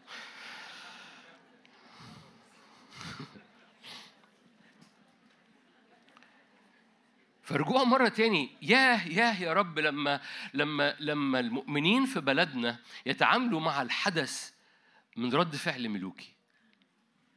لأن هم كهنوت طبيعته ملوكي. أمثال ثمانية وأختم. الحكمة حكيت عنها وبس هرجع أتكلم عنها. الحكمة لأن روح الحكمة والإعلان في معرفة يسوع هو روح العبادة. ولأن الحكمة والإعلان هم اللي بيخلقوا فالحكمة عمالة بتعلن إيه الأجواء بتاعتها. أنا الفهم لي القدرة؟ آية 15 بتملك الملوك تقضي العظماء عدلا. بتملك الملوك بالحكمة. خلي بالك الآيات دي عنك. لي المشورة والرأي أنا الفهم لي القدرة بتملك الملوك. ويق- ويقضي العظماء عدلا. بي تترأس الرؤساء والشرفاء وكل قضاة الأرض. أنا أحب الذين يحبونني والذين يبكرون إلي يجدونني. بعد كده بيحكي إن الحكمة كل حاجة اتخلقت بالحكمة. فلما بولس الرسول صلى من أجل كل حد فينا روح الحكمة أصلي من أجل روح الحكمة والإعلان في معرفة يسوع إنه يملانا.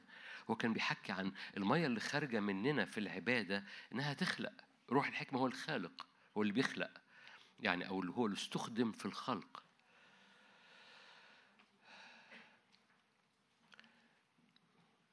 آية 28 أو آية آية آية 30 كنت عنده صانعا.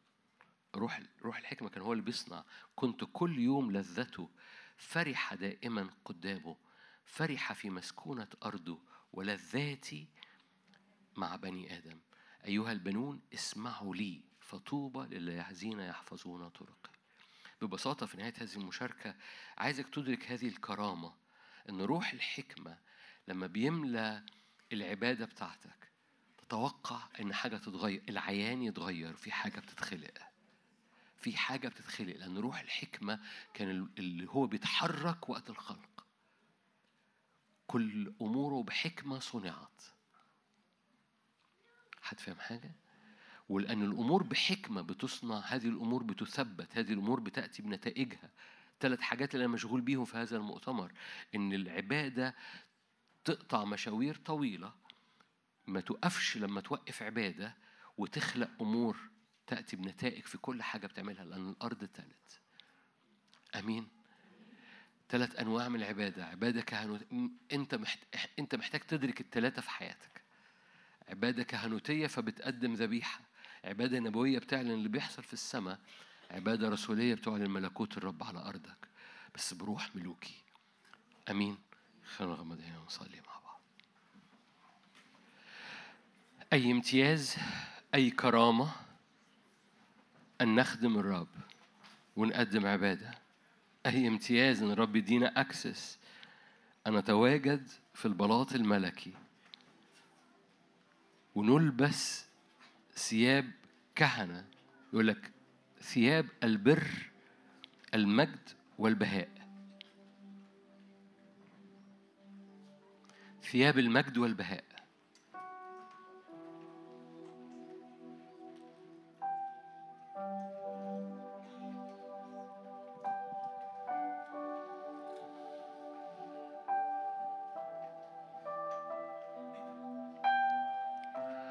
الرب أعد قلانس لهارون ولولاده اسمها قلانس المجد والبهاء عشان يخدموا بيها قدام الرب.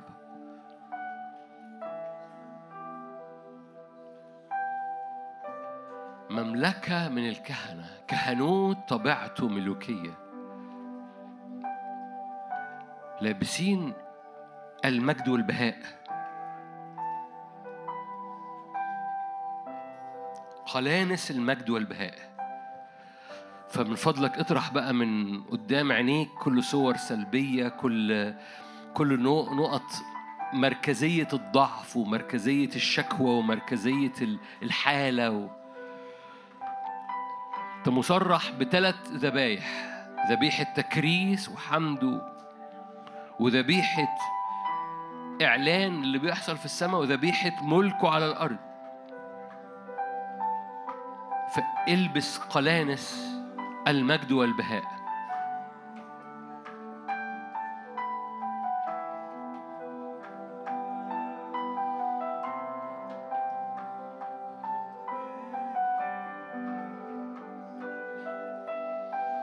خالعين كل ثياب قديمة كل ثياب كان لابسها يهوشع الكاهن وداخل قدام الرب واقف أمام الرب. خالعين كل صور قديمة. بنلبس ثياب اسمها المجد والكاهن يساوي ثياب المجد والبهاء. مش انت اللي بتعملها مش انت اللي بتجيبها دي بتتعمل ليك وانت بتلبسها. هو ده الحدث دلوقتي. مش انت مش مش ببرك مش بصلاحك مش بأحاسيسك.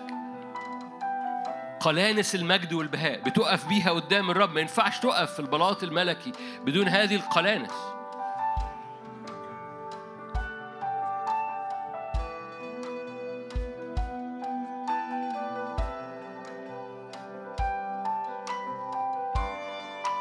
هللويا هللويا هللويا. فاخلع من فضلك الطبيعي اخلع اسمك اخلع اللي انت لابسه والبس ان في كرامة قدامك إنك تتقدم قدام العرش وتقدم تقدم عبادة تقدم أنهار تقدم عبادة. عشان العبادة دي توصل مشاورها كلها لازم تقدمها قدام الرب. لازم تكون مية نازلة من فوق.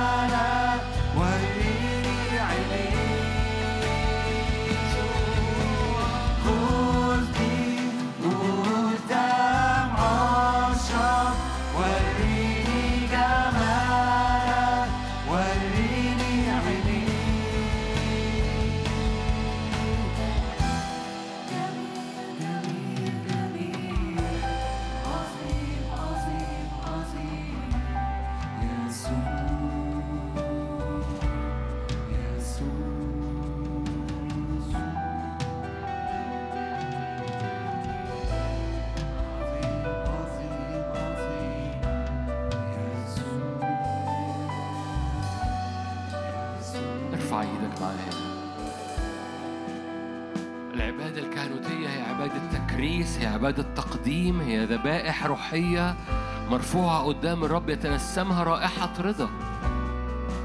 هو ده النافذة المفتوحة تجاه جبل الرب. دم الرب حضور الرب مجد الرب الزيت النازل. مجد الرب يملى لأنه الذبيحة دي بيقابلها الرب يسكب عليها نار.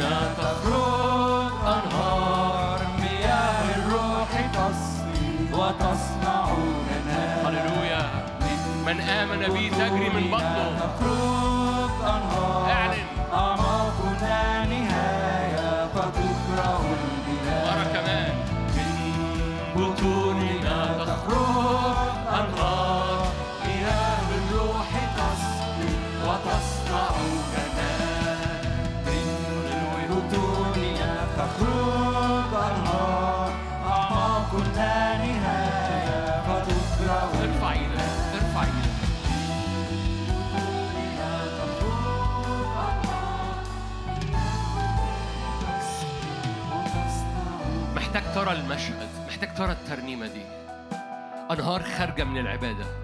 هو قال كده إن عطش أحد يأتي ويشرب. من آمن بي تجري من بطنه. هذه الأنهار مش رايحة على الفاضي. هذه الأنهار تصنع جنات زي ما الكتاب المقدس بيقول. هذه الأنهار تبرق بلاد. هذه الأنهار على جانبها من يمين ومن شمال. أشجار وسمك عظيم. هذه الأنهار حركة روحية. محتاج تدرك أعماق الروح القدس. ده نهر سباحة لا يعبر أعماق لا نهاية. وإحنا بنرنم الترنيمة دي محتاج تعلن. وترى المشهد ترى المشهد. مياه بتغطي أراضينا مياه بتغطي بلادنا ومناطقنا. خارجة من بطوننا خارجة من العبادة. فارفع إيدك وإحنا بنرنم الترنيمة دي مرة كمان. من بطوننا. من بطوننا تخرج أنهار.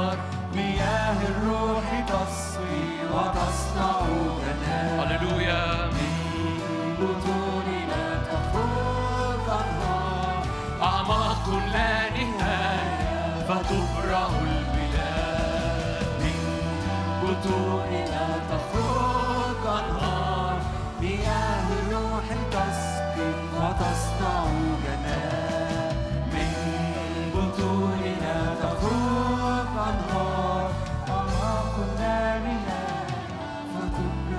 محتاج تخرج الأنهار. هرنمها مرة كمان. محتاج تخ... محتاج تطلق الأنهار اللي جواك. محتاج تدرك إن في أنهار وإنت بتطلقها. مسامك مفتوحة. ف اطلق الأنهار دي على بيتك. اطلق الأنهار دي على أرضك. خلي الأنهار تو- تصنع جنات جواك وفي أرضك وفي خدمتك وفي كنيستك. من بطوننا تخرج هذه الأنهار. وجاء وقت نعلن كده ككنيسة كأبطال ك... كحكماء ك... كشرفاء للرب إن من بطوننا تخرج حياة.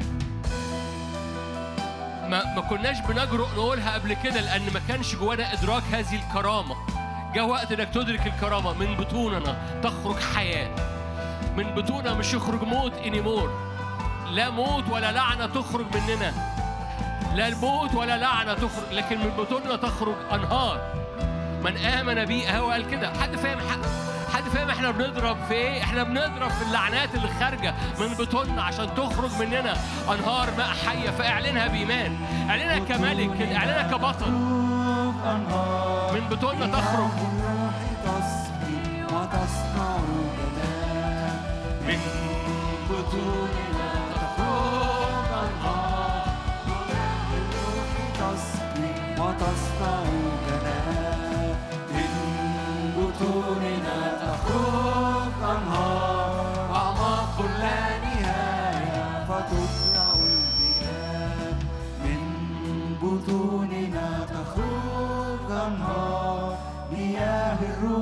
تسقي وتصنع جنات تصنع جنات. تخرج أنهار أعماق لا نهاية فتبرأ. ملوك. ملوك. جيش. تخرج من بطنه أنهار. اضرب بيها أرضك.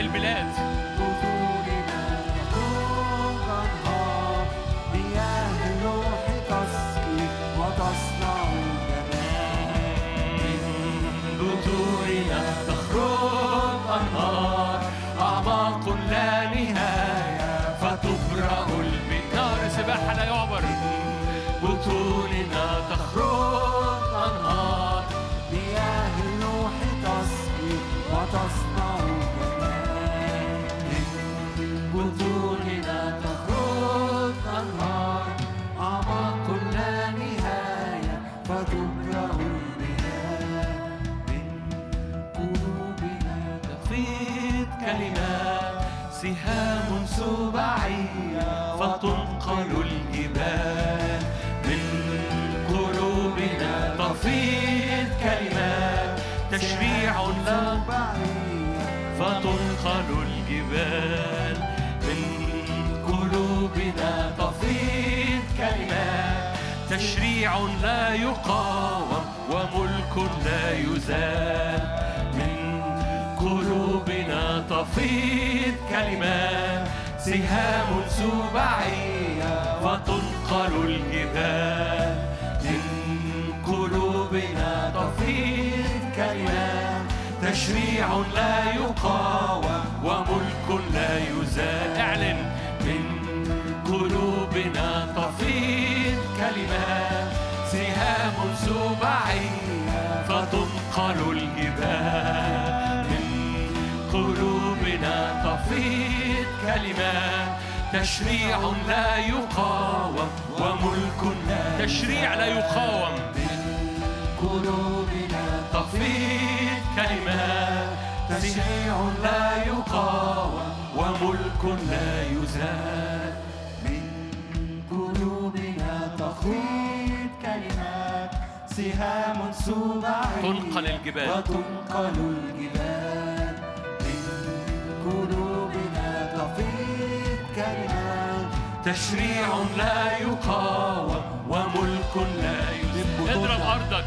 من بدوننا تخوض أنهار إله الروح تسقي وتصنع جنات من بطوننا تخرج أنهار أعماق لا نهاية البناء من قلوبنا تفيض كلمات سهام سباعية فتنقل الجبال.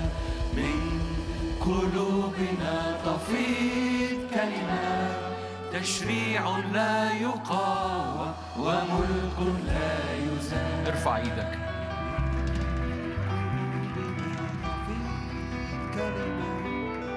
هنقولها مرة كمان مرش. محتاج تدرك. الرب يطلع إيه في هذا الزمن؟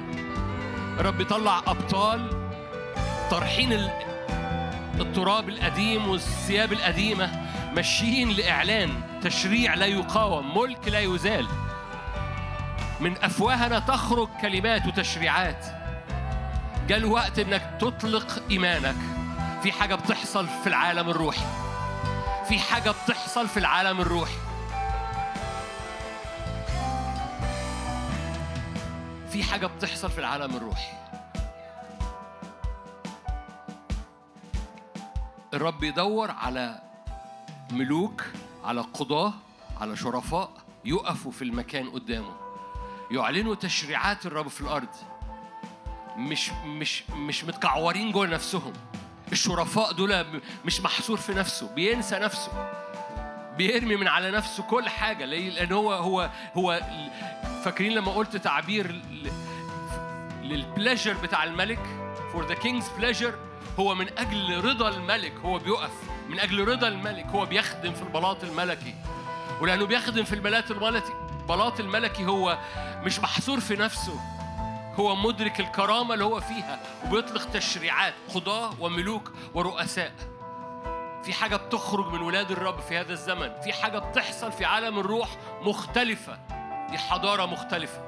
فف بمارش. في كلمات خارجة. مش هنقول من بطوننا هنقول البيت التاني. من قلوبنا تفيض كلمات. سباعيات سهام. ده حبقوق اللي قال لنا التعبير ده سباعيات سهام. فتنقل الجبال. يعني إيه سباعيات سهام؟ يعني كلمة فل سبعة. كلمة سباعية السهام دي سباعية فل. التشريع اللي خارج من بقك ينقل الجبال فعلا ما يبقاش كلام. لأن ده ده تشريع لا يقاوم ملك لا يزال. أمين؟ فتعالوا نقولها مرة تاني من قلوبنا تفيض كلمات. قلوبنا تفيض كلمات سهام الجبال قلوبنا تفيض كلمات. تشريع لا يقاوم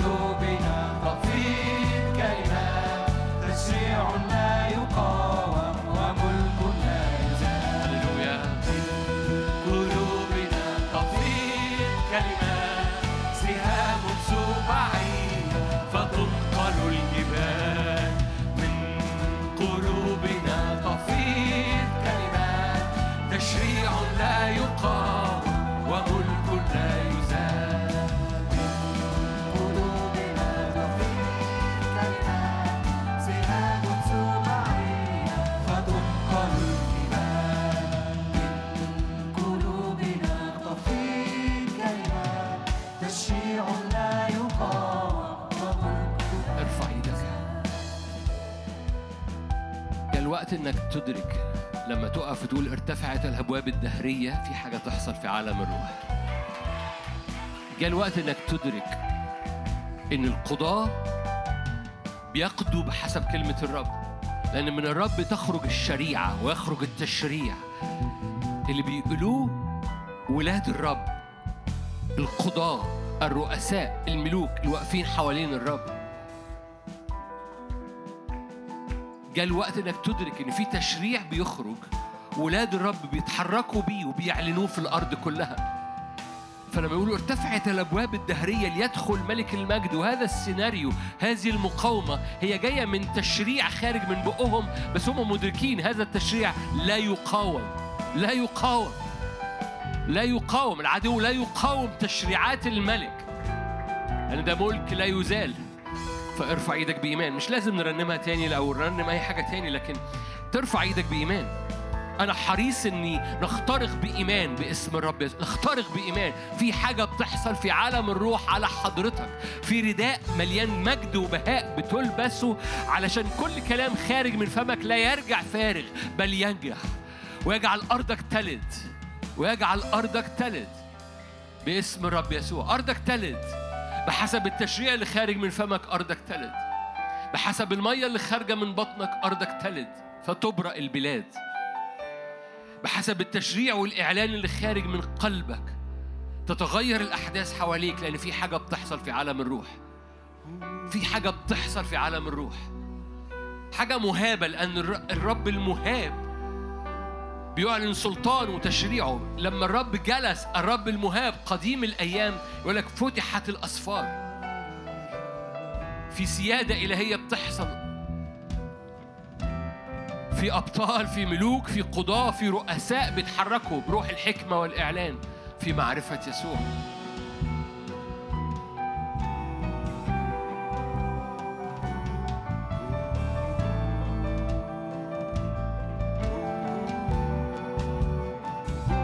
حاجة بتحصل في عالم الروح. فارفع إيدك. قبل ما نرنم الترنيمة هنرنم الترنيمة دي.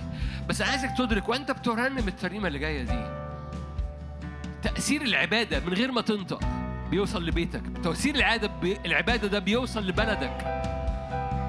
لأن إحنا بنؤمن بعبادة بتقطع كل المشوار للآخر لغاية لما تجيب النتيجة. مش بنقف في نصها مش بنرنم الترنيمة وبعد كده نقف في نصها. إحنا بنجيب الموضوع لآخره. بنرمي المية لآخرها عشان ال- النهر يجيب آخره ويجيب البحر والبحر يبرق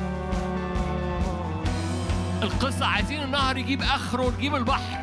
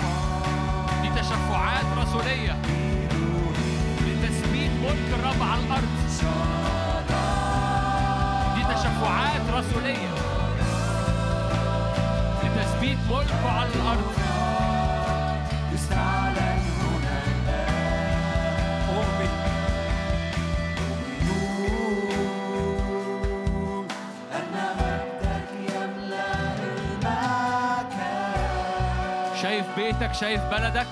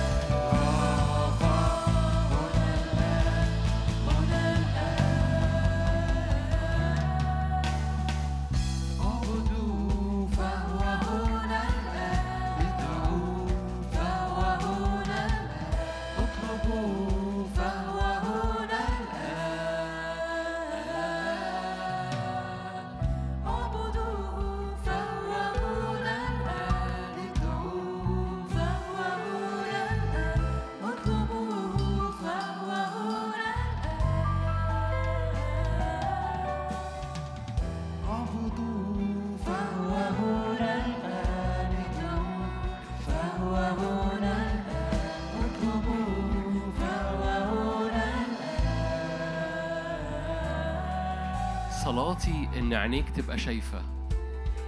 صلاتي إن عينيك تبقى شايفة.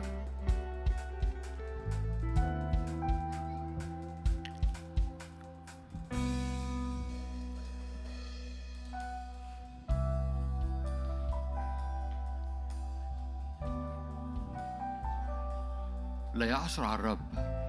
أنهار الرب أقوى جدا. وأنهار الرب بتجري في بعض الأحيان بهدوء. القصة مش صوت عالي. قصة إن أنهار الرب كتير بتوصل أبعد بالصوت الهادي.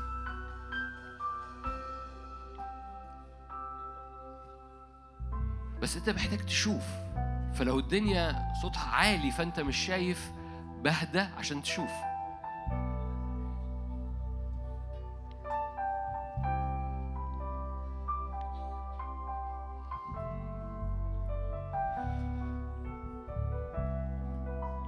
يصنعه الرب. عظيم. ما يصنعه الرب في العالم الروح. في حاجة بتحصل في عالم الروح على الكنيسة في الزمن ده. بتلبس ثياب مختلفة بتقف في كرامة مختلفة بسلطان مختلف. مرهبة مرهبة مرهبة مرهبة كجيش بألوان. الحرب الروحية شكلها بيتغير السلطان شكله بيتغير الأبواب اللي بتترفع شكلها بتتغير ليه؟ لأنه لأن اللي خارج من الكنيسة مبقاش زي زمان في حاجة مختلفة ترنيم الحروب الروحية غير زمان النهارده بنحارب. بان إحنا نقول له الكل ليك كمثال ليه؟ لأن ال- النهر اللي خارج وإحنا بنقول الكل ليك بيجيب بيرد العدو إلى الوراء وبالتالي النهارده الحرب الروحية شكلها وعبادتها اختلفت الحكمة اللي بتنسكب على الكنيسة شكلها بيختلف. لأن الرب دعا الكنيسة إنها تكون حكيمة. مليانة إعلان مليانة أنوار ومليانة حكمة لكي تخلق وتصنع أمور. وبتقف بسلطان وتقول ارتفعت الابواب الدهرية.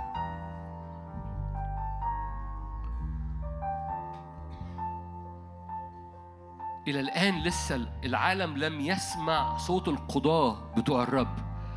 إلى الآن لم يسمع الرب صوت الملوك والرؤساء الحكماء والقضاة اللي بيتحركوا قدام الرب. جاء الوقت الرب يدعوه الكنيسة إنها تطلع تقف في هذا المكان اللي بتغير فيه ثيابها وبتعطى مسالك. فرب يستعلن في وسطيهم.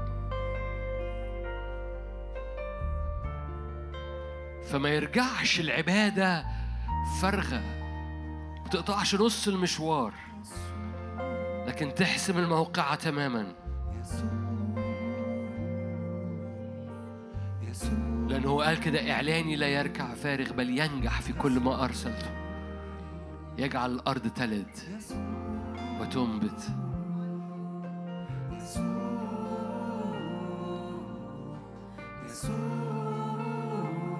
في حاجة بتحصل في عالم الروح. سهام الرب مبرية. سبعيات سهام كلمته. في حاجة بتتغير في الخليقة لما الكنيسة تقف. الخليقة منتظرة استعلان الكنيسة. فبنرفع من علينا الظلال. بنرفع من علينا الثياب القديمة. بنبدل ثيابنا بثياب المجد والبهاء. عشان العبادة اللي خارجة مننا يبقى شكلها مختلف سجودنا ملوكي. كهنوت طبيعته ملوكية. كل حاجة خارجة مننا بتقول يسوع. أكتر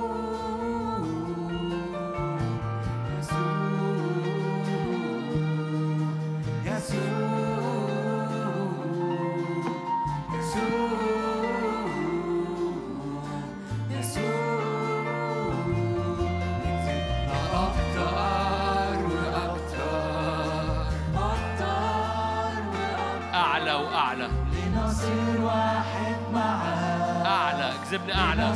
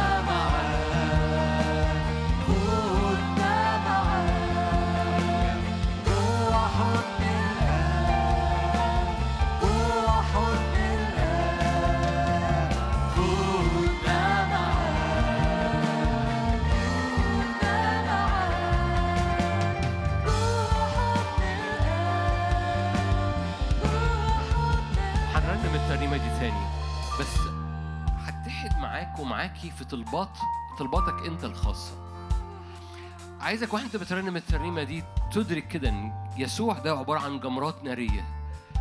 كل أرواح شر متحركة في البيوت. المشهد اللي كنت شايفه شايف سيدات بتسبح هنا بتعبد هنا وفي حركة من جمرات نار في البيت. اصبروا علي اصبروا علي اصبروا علي جوايا إدراك معين إنه جاء الوقت ندرك إن عبادتنا بتمشي المشوار. إيه المشوار اللي أنت محتاج العبادة تمشي فيه؟ لأي حتة لأي آخر. إيه الآخر اللي أنت محتاج جمرات النار تجيبه؟ وإحنا بنرنم الترنيمة دي مرة تاني. عايزك تشوف كده إيه آخر المشوار بتاع جو... لو أنت ماسك جمرة نار وهترميها. ما دي صلوة. جمرة النار دي. آخر آخر الرمية بتاعتها تجيب فين؟ آخر المشوار. وإحنا بنرنم الترنيمة دي. عايزك ترى جمرات النار بتجيب آخر المشوار اللي أنت محتاجه. ايا كان آخر المشوار ده لاولادك آخر المشوار ده لبيتك آخر المشوار ده لاستخدامك آخر المشوار ده شفاء من كانسر آخر المشوار ده شفاء من أمراض مناعة آخر المشوار ده أبواب تتفتح في نفسيتك وتتحرق كل اكتئابات وأحزان وانتحارات. أي آخر المشوار ده جاي بايه أنا عايزك وأنت بترنم الترنيمة دي ترى هذا الاسم اللي بنردده يسوع بيجيب آخر مشوار ليك. بيجيب آخر م... وبيكمل شغال بيكمل شغال. بعد ما نخلص الترنيمة هيكمل شغال ويجيب آخرها ليك. ويجيب آخرها في ايا كان البلد ايا كان الموضوع ايا كان الأمر. بيجيب آخرها باسم الرب يسوع. فحرنمها مرة تاني. يسوع. أنا بتحد معاك.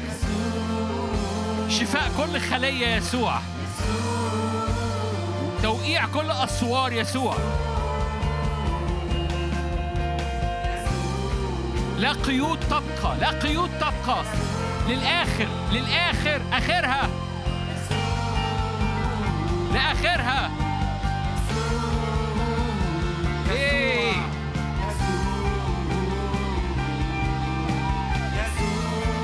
قولها للآخر.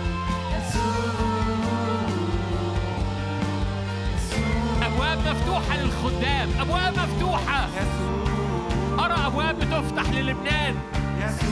أبواب خدمة لبنان. للبنانيين مش لينا ليهم هم. أبواب خدمتك. أبواب النهضة في الأردن.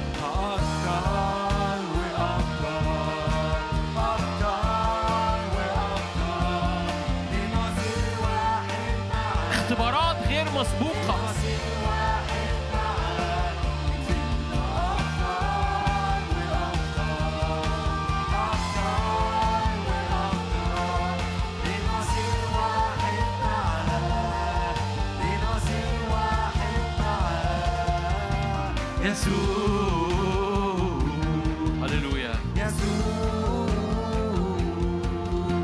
حركة ملائكية. حركة الآن استقبل الآن. شوفها بإيمان واستقبل الآن.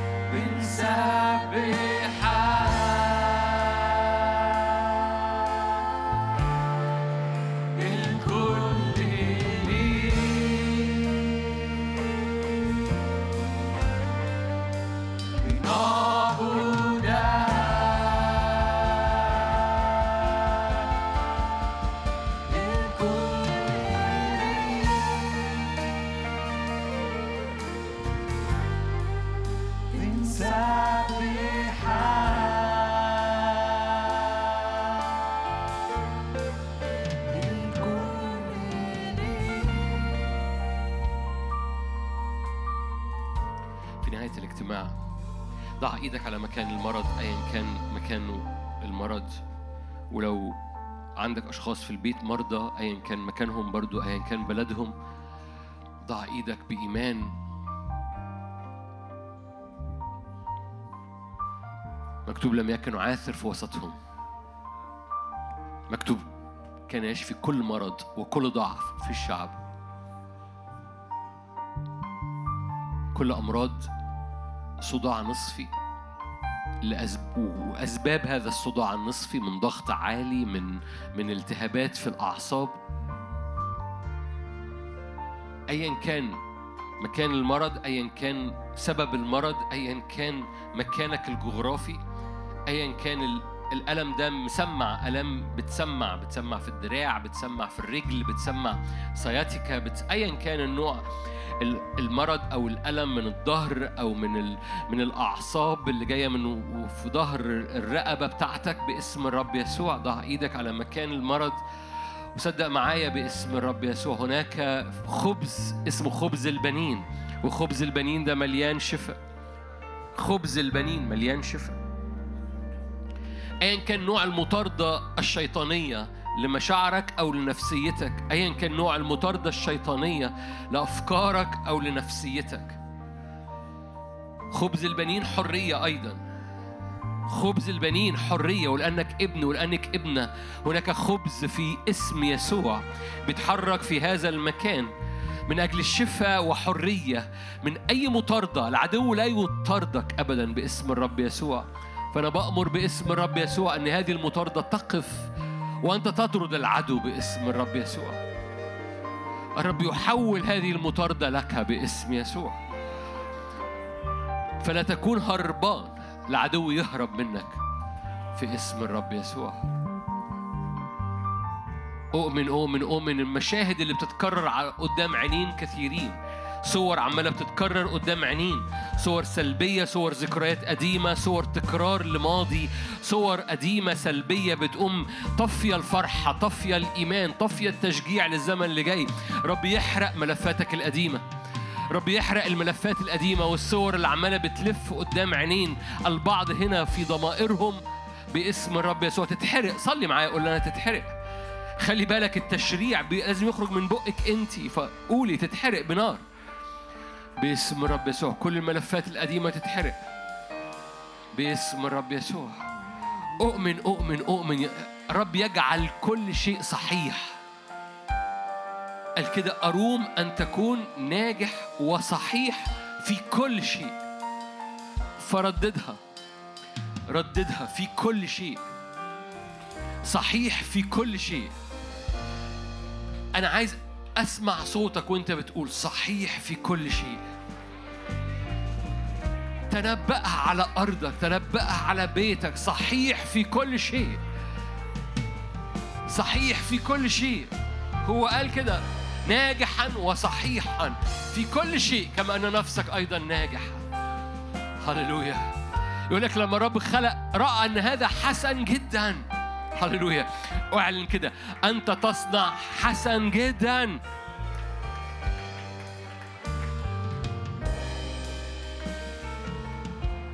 البعض هنا محتاج يشوف بيته. البعض هنا محتاج يشوف بيته. غمض عينك بص على بيتك. وارفع إيدك وقول حسن جدا. كل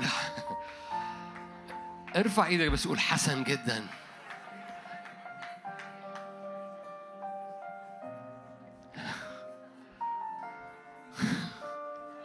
وشوش البعض مبهجة.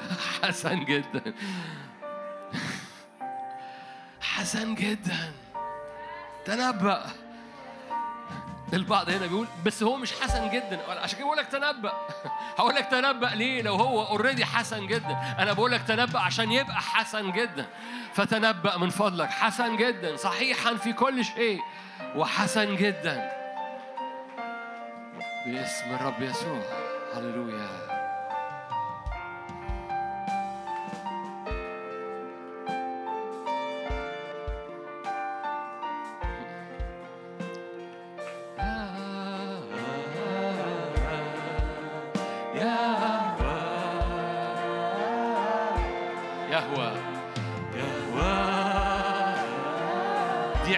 عبادة رسولية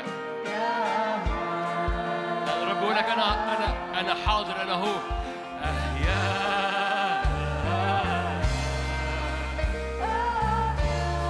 عبادة ملوكية عبادة رسولية بتعلن الملك. اضرب أرضك وأنت بتقول أهيا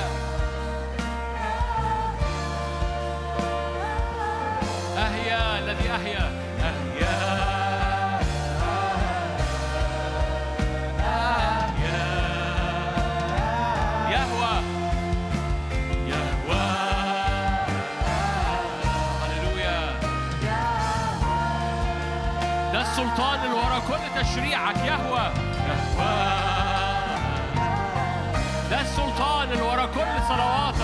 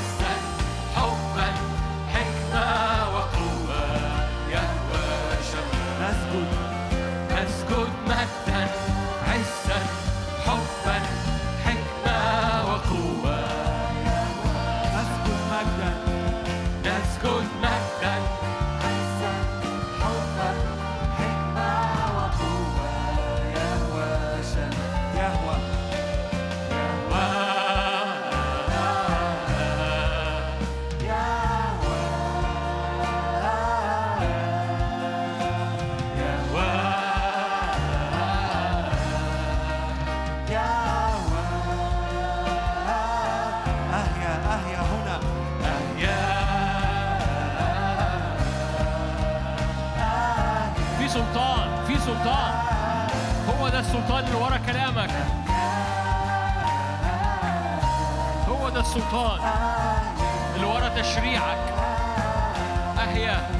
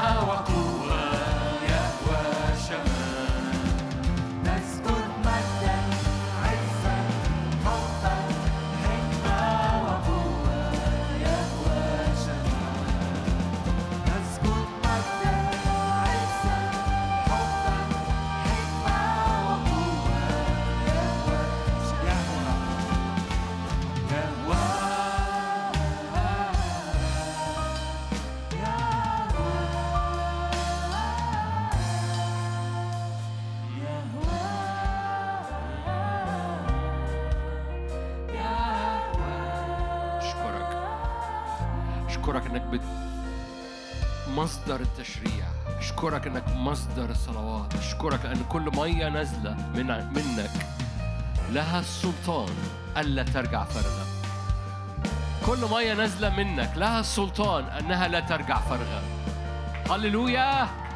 ده خبر كويس بالمناسبة. كل مية نازلة منه لها السلطان لن ترجع فارغة كل عبادة نازلة منه لها السلطان لن ترجع فارغة هتخلي أرضك تولد. تنبأ أرضي هتولد. أرضي هتولد. ليه؟ لأن كل مية نازلة من فوق لن ترجع فارغة كل عبادة نازلة من فوق لن ترجع فارغة بل تنجح.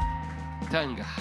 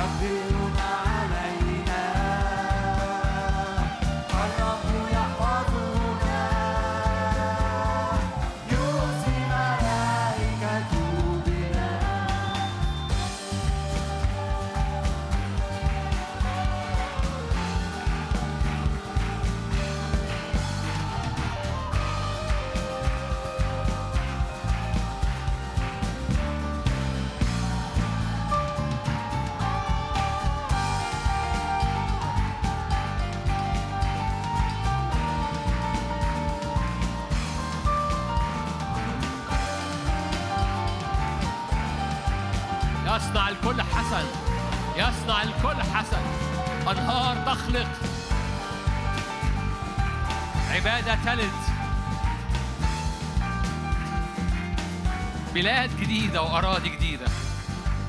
غلبات جديدة. شعب الرب أسد. شعب الرب أسد.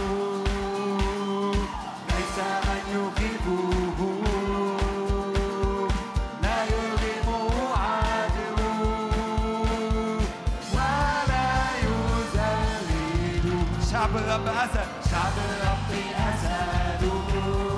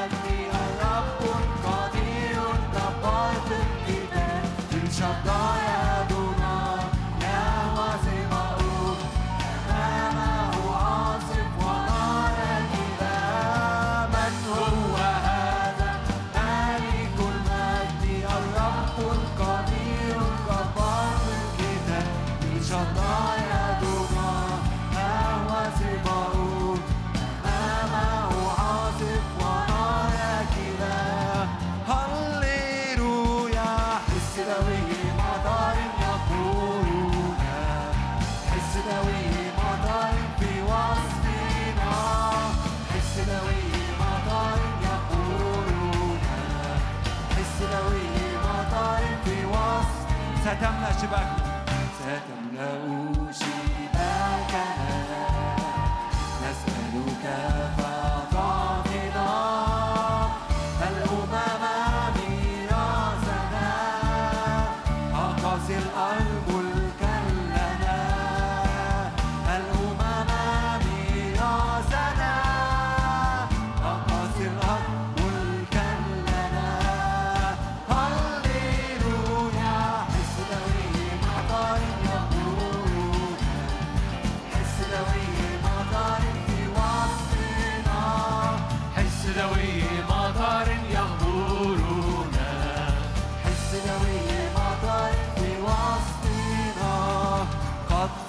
صعد الفتك أمامنا نيران تحرق أعدانا.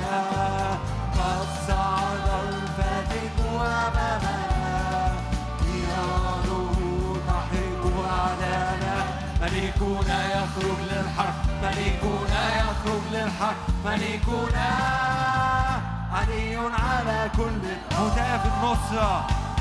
هتاف النصرة يملأ أفواهنا. سياح الكسرة بين أعدائنا. هتاف النصرة يملأ أفواهنا. سياح الكسرة بين أعدائنا. أسوارهم تسقط للأرض. أسوارهم تسقط للأرض. تسقط وتشهد لإله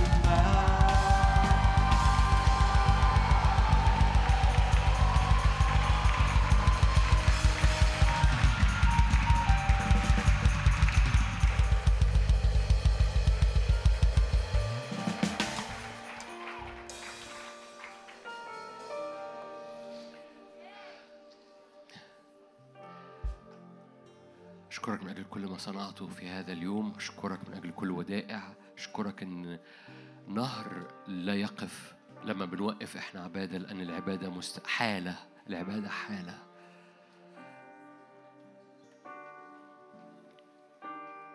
أشكرك إنه بيجيب آخره وبيجيب مجدك وبيغير وجه أراضينا. أشكرك إن العبادة تلد. أشكرك إبراء الأمم. أشكرك من أجل المجد اللي بيستعلن. أشكرك من أجل الملوك والرؤساء والقضاة اللي بيخرجوا في هذا الزمن. أشكرك من أجل رجل- رجلين بتدوس الحياة والعقارب وكل قوة العدو ولن يضرها شيء. أشكرك إن العيان يتغير.